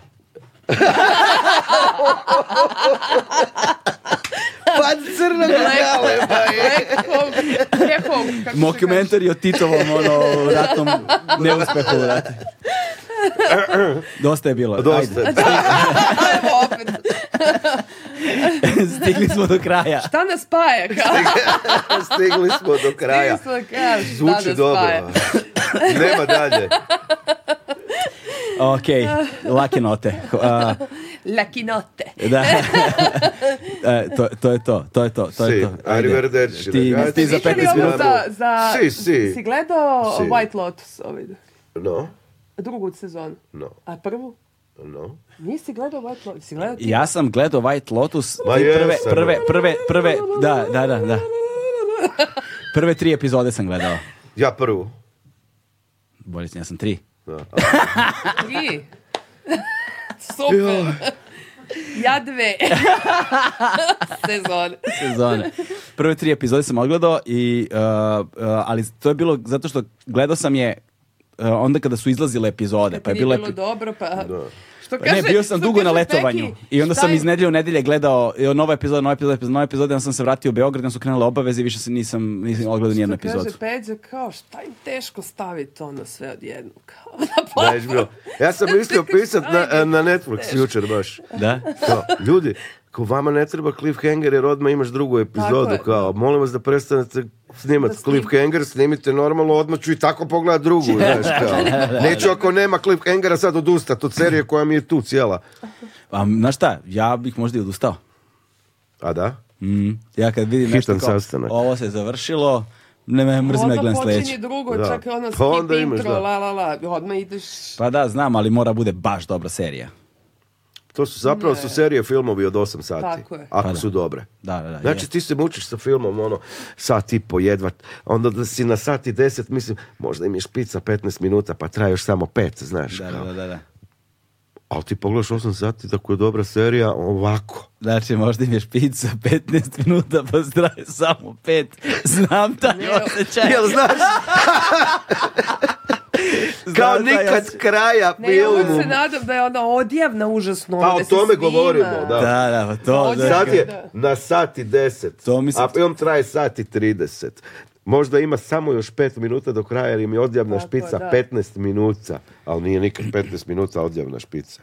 To, mi se dešava s vremena vremena na festivalima kad odem gledam sranje film dobrog pa onda odeš sa velikim očekivanjima. i onda, festival. Na, ne znam, znaš. I dešavam I dešava mi se kada idem da gledam filmove na slepo. Odnosno, da ne znam ništa, ne, nego samo uzmem Blind karte.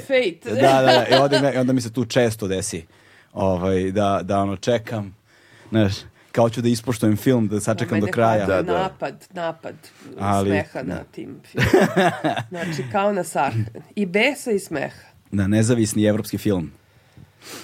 I onda ono, to me i kao prati glavnog lika, kamera ga prati s ono. on hoda od Rusije do pa Mađarske. I umre. da. I, usput nesretne nikoga. A pa imigrant. imigrant, oni sad dobije najviše na fondovima. Kad staviš. Pa zato ja ne. osmišljam sad. A ti Rusi, Ukrajinac. U budućnosti. I onda ubaci...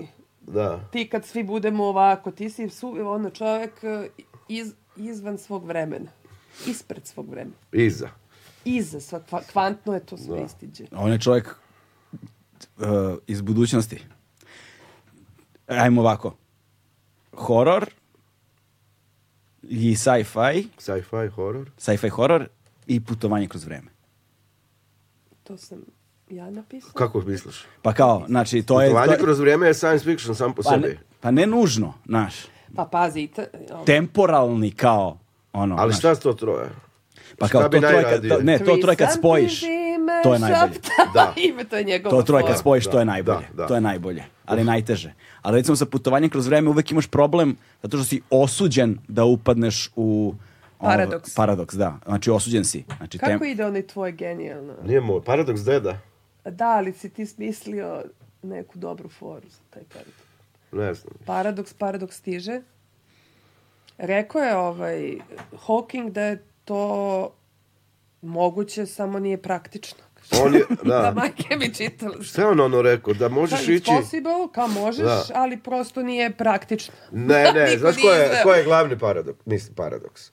Glavno je fora da se zemlja vrti 1000 km na sat oko svoje osi i oko sunca. Ti u tom trenutku kad nestaneš, želiš da otputuješ u drugo vrijeme, nemoguće je da bi pogodio istu točku u toj brzini zemljine vrtnje. Mhm. To je jedan od glavnih kao argumenata pa da li zemlja je ravna ploča, e, koja se ne vrti, tako da je putovanje kroz vrijeme. Ja sam napisala da. Ovaj igra i peđa, ovaj, gde shvatamo da je teško da, mogu da otputujemo vrijeme da E, neizvodljivo je fizički da odem, kako bih pogledala film koji je dobio Oscara u, na primjer, 2028. pa da se vrati pa da ga napišem, pa da ga onda dobijem. I onda sam, ovaj, pošto je moj čale stvarno, ono što smo već pričali, pod hipnozom, kako se zove, operisu ljude, onda sam, sam spisila da to prosto da me baci na neku drugu foru, ne baš materijalnu foru u budućnost, da pokradem sve što mogu da donesem Da, sve je krenulo od razgovora kao kako snimiti kao art house film za festivale koji je društveno bitan i značajan. Da. Znači kao ako mi sad smišljamo o Rusu i Ukrajincu, gej paru koji hodaju po Europi, razumiješ to za pet godina koliko će nam trebati da se film snimi, više uopće neće biti aktualno, pa jednostavnije je izmisliti vremenski stroj, otputovati u 2028. i vidjeti kakva je situacija u svijetu, vratiti se nazad, napisati i taman za pet godina si pogodio i evo te Kan, Venecija, Berlin. Sve. Sve. Čekaj. Tuzla. Tuzla. ali, ako Ukrajinac i Rus uh, hodaju po Europi Evropi, uh, na, na hrvatskom to znači se zabavljaju po Evropi. Tako ne, hodaju. Mislim, hodaju. u smislu žan, ono, u smislu filma. Koračaju. A, hodaju, koračaju, da, ali u hrvatskom hodaju znači se zabavljaju, jel tako? Pa, a mogu i hodati. Zapravo. To je meni A, to je dublet. mi je da, da, da. Frajer jedan govori stalno kako si mi napete, kao nisam, baš sam super. Ono, ne, napeta si kao na život a, to je dalmatinski. Napeta. Više, napeta je ono kako bi te... A, posle e, isti, da, da, e, a, ja sam sve pravdam, nisam, nisam, nisam, Mislim da je naj, naj, najbolje što smo izvukli iz cijelog ovog našeg razgovora, da, ovo nije isti jezik. Ne da su četiri, nego ih je mnogo, mnogo više. 20, Tako da e, svi ovi... 21 smo da, liberalni Hrvati, drugosrbijanci kao, a nije isti jezik i odustanite. Tako je. Inače ćete imati problema.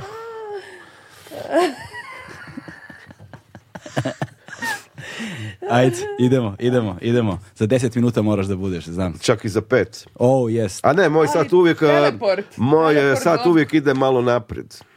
mm If you know ti I mean. ja, ja sam profesionalac. Ti si napredan.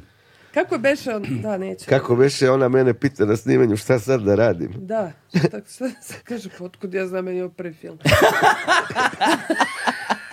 a ti si imaš 28 kao, mene pitaš.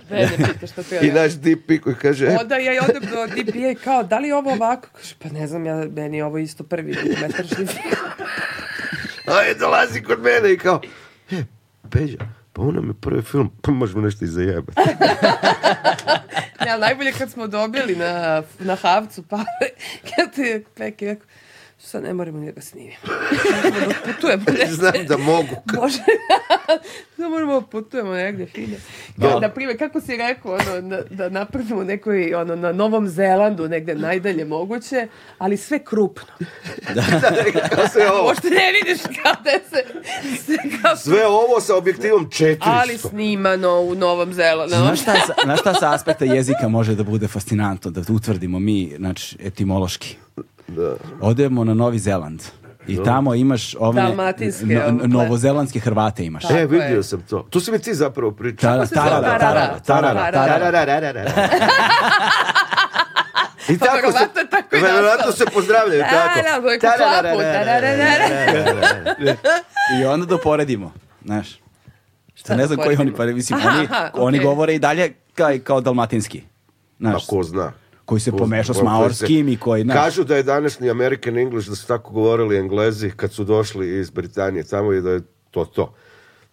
Jedna od teorija. E, možemo da, da vidimo da, li to... A ste znači, gledali kako on izvuče? Idemo. Si video sve to? Tarararci. Tarararci. Ima ne, na YouTube-ovima. Ima klape kad pevaju na YouTube. Ima. Tararara.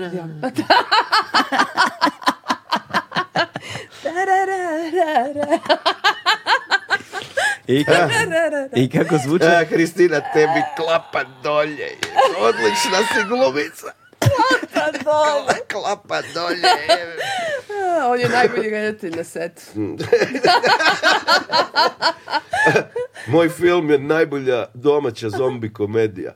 Pa jedina. Jedina. je li jedina? Pa, pa nema baš zombija ni jednog, a još zom koma manje. Pa možda ima nekih ono baš C. Ako je tvoj B, njihovih ima C. Nema, znali bi. Da, da. Neverovatno malo takvih filmova s obzirom na publiku koja je prilično veliko. Pa da, obzirom da živimo u tim malim zemljama, pa da. Nisi čuo nikad ni za razbeđanski musical ili estonski science fiction. Pa možda se samo nisam potrudio dovoljno. ja sam baš googlo. jesi? Ja na Google. Šta, Estonija je tako napredna zemlja, a nema science fiction, nijedan. Pa ima jako malo stanovnika Estonija. Koliko Estonija ima? Ma ništa, milju i nešto. Milja, to je milion. Žarko. e, ajde. Milje je onaj... Nikad milje, nisi milje. terao nijednu, Naš, a, gosta. Milje, milje. Treći put sam kod tebe. Kao, sad nas tera, Lado. Ne, ne, ono. ne. Ima sljedeće godine. Ne, nego on u 12, on u 12, 15. Ja u 12.15 imam hitan sastanak. Da, sad je 12.10. A gde? Na Mirjevu. Ali imam teleport. Nije. Samo pazi da ne završiš u Međugorju. Da. E, za teleport? Spremni. To. ovaj, nešto ste da kažem, zborio sam šta. Ništa. Možda bi odjavio emisiju. Može to. E, to. Ćao. Mjao. Wow.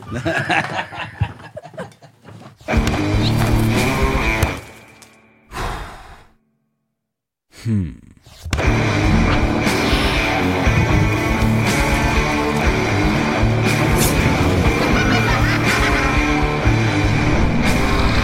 Thank you.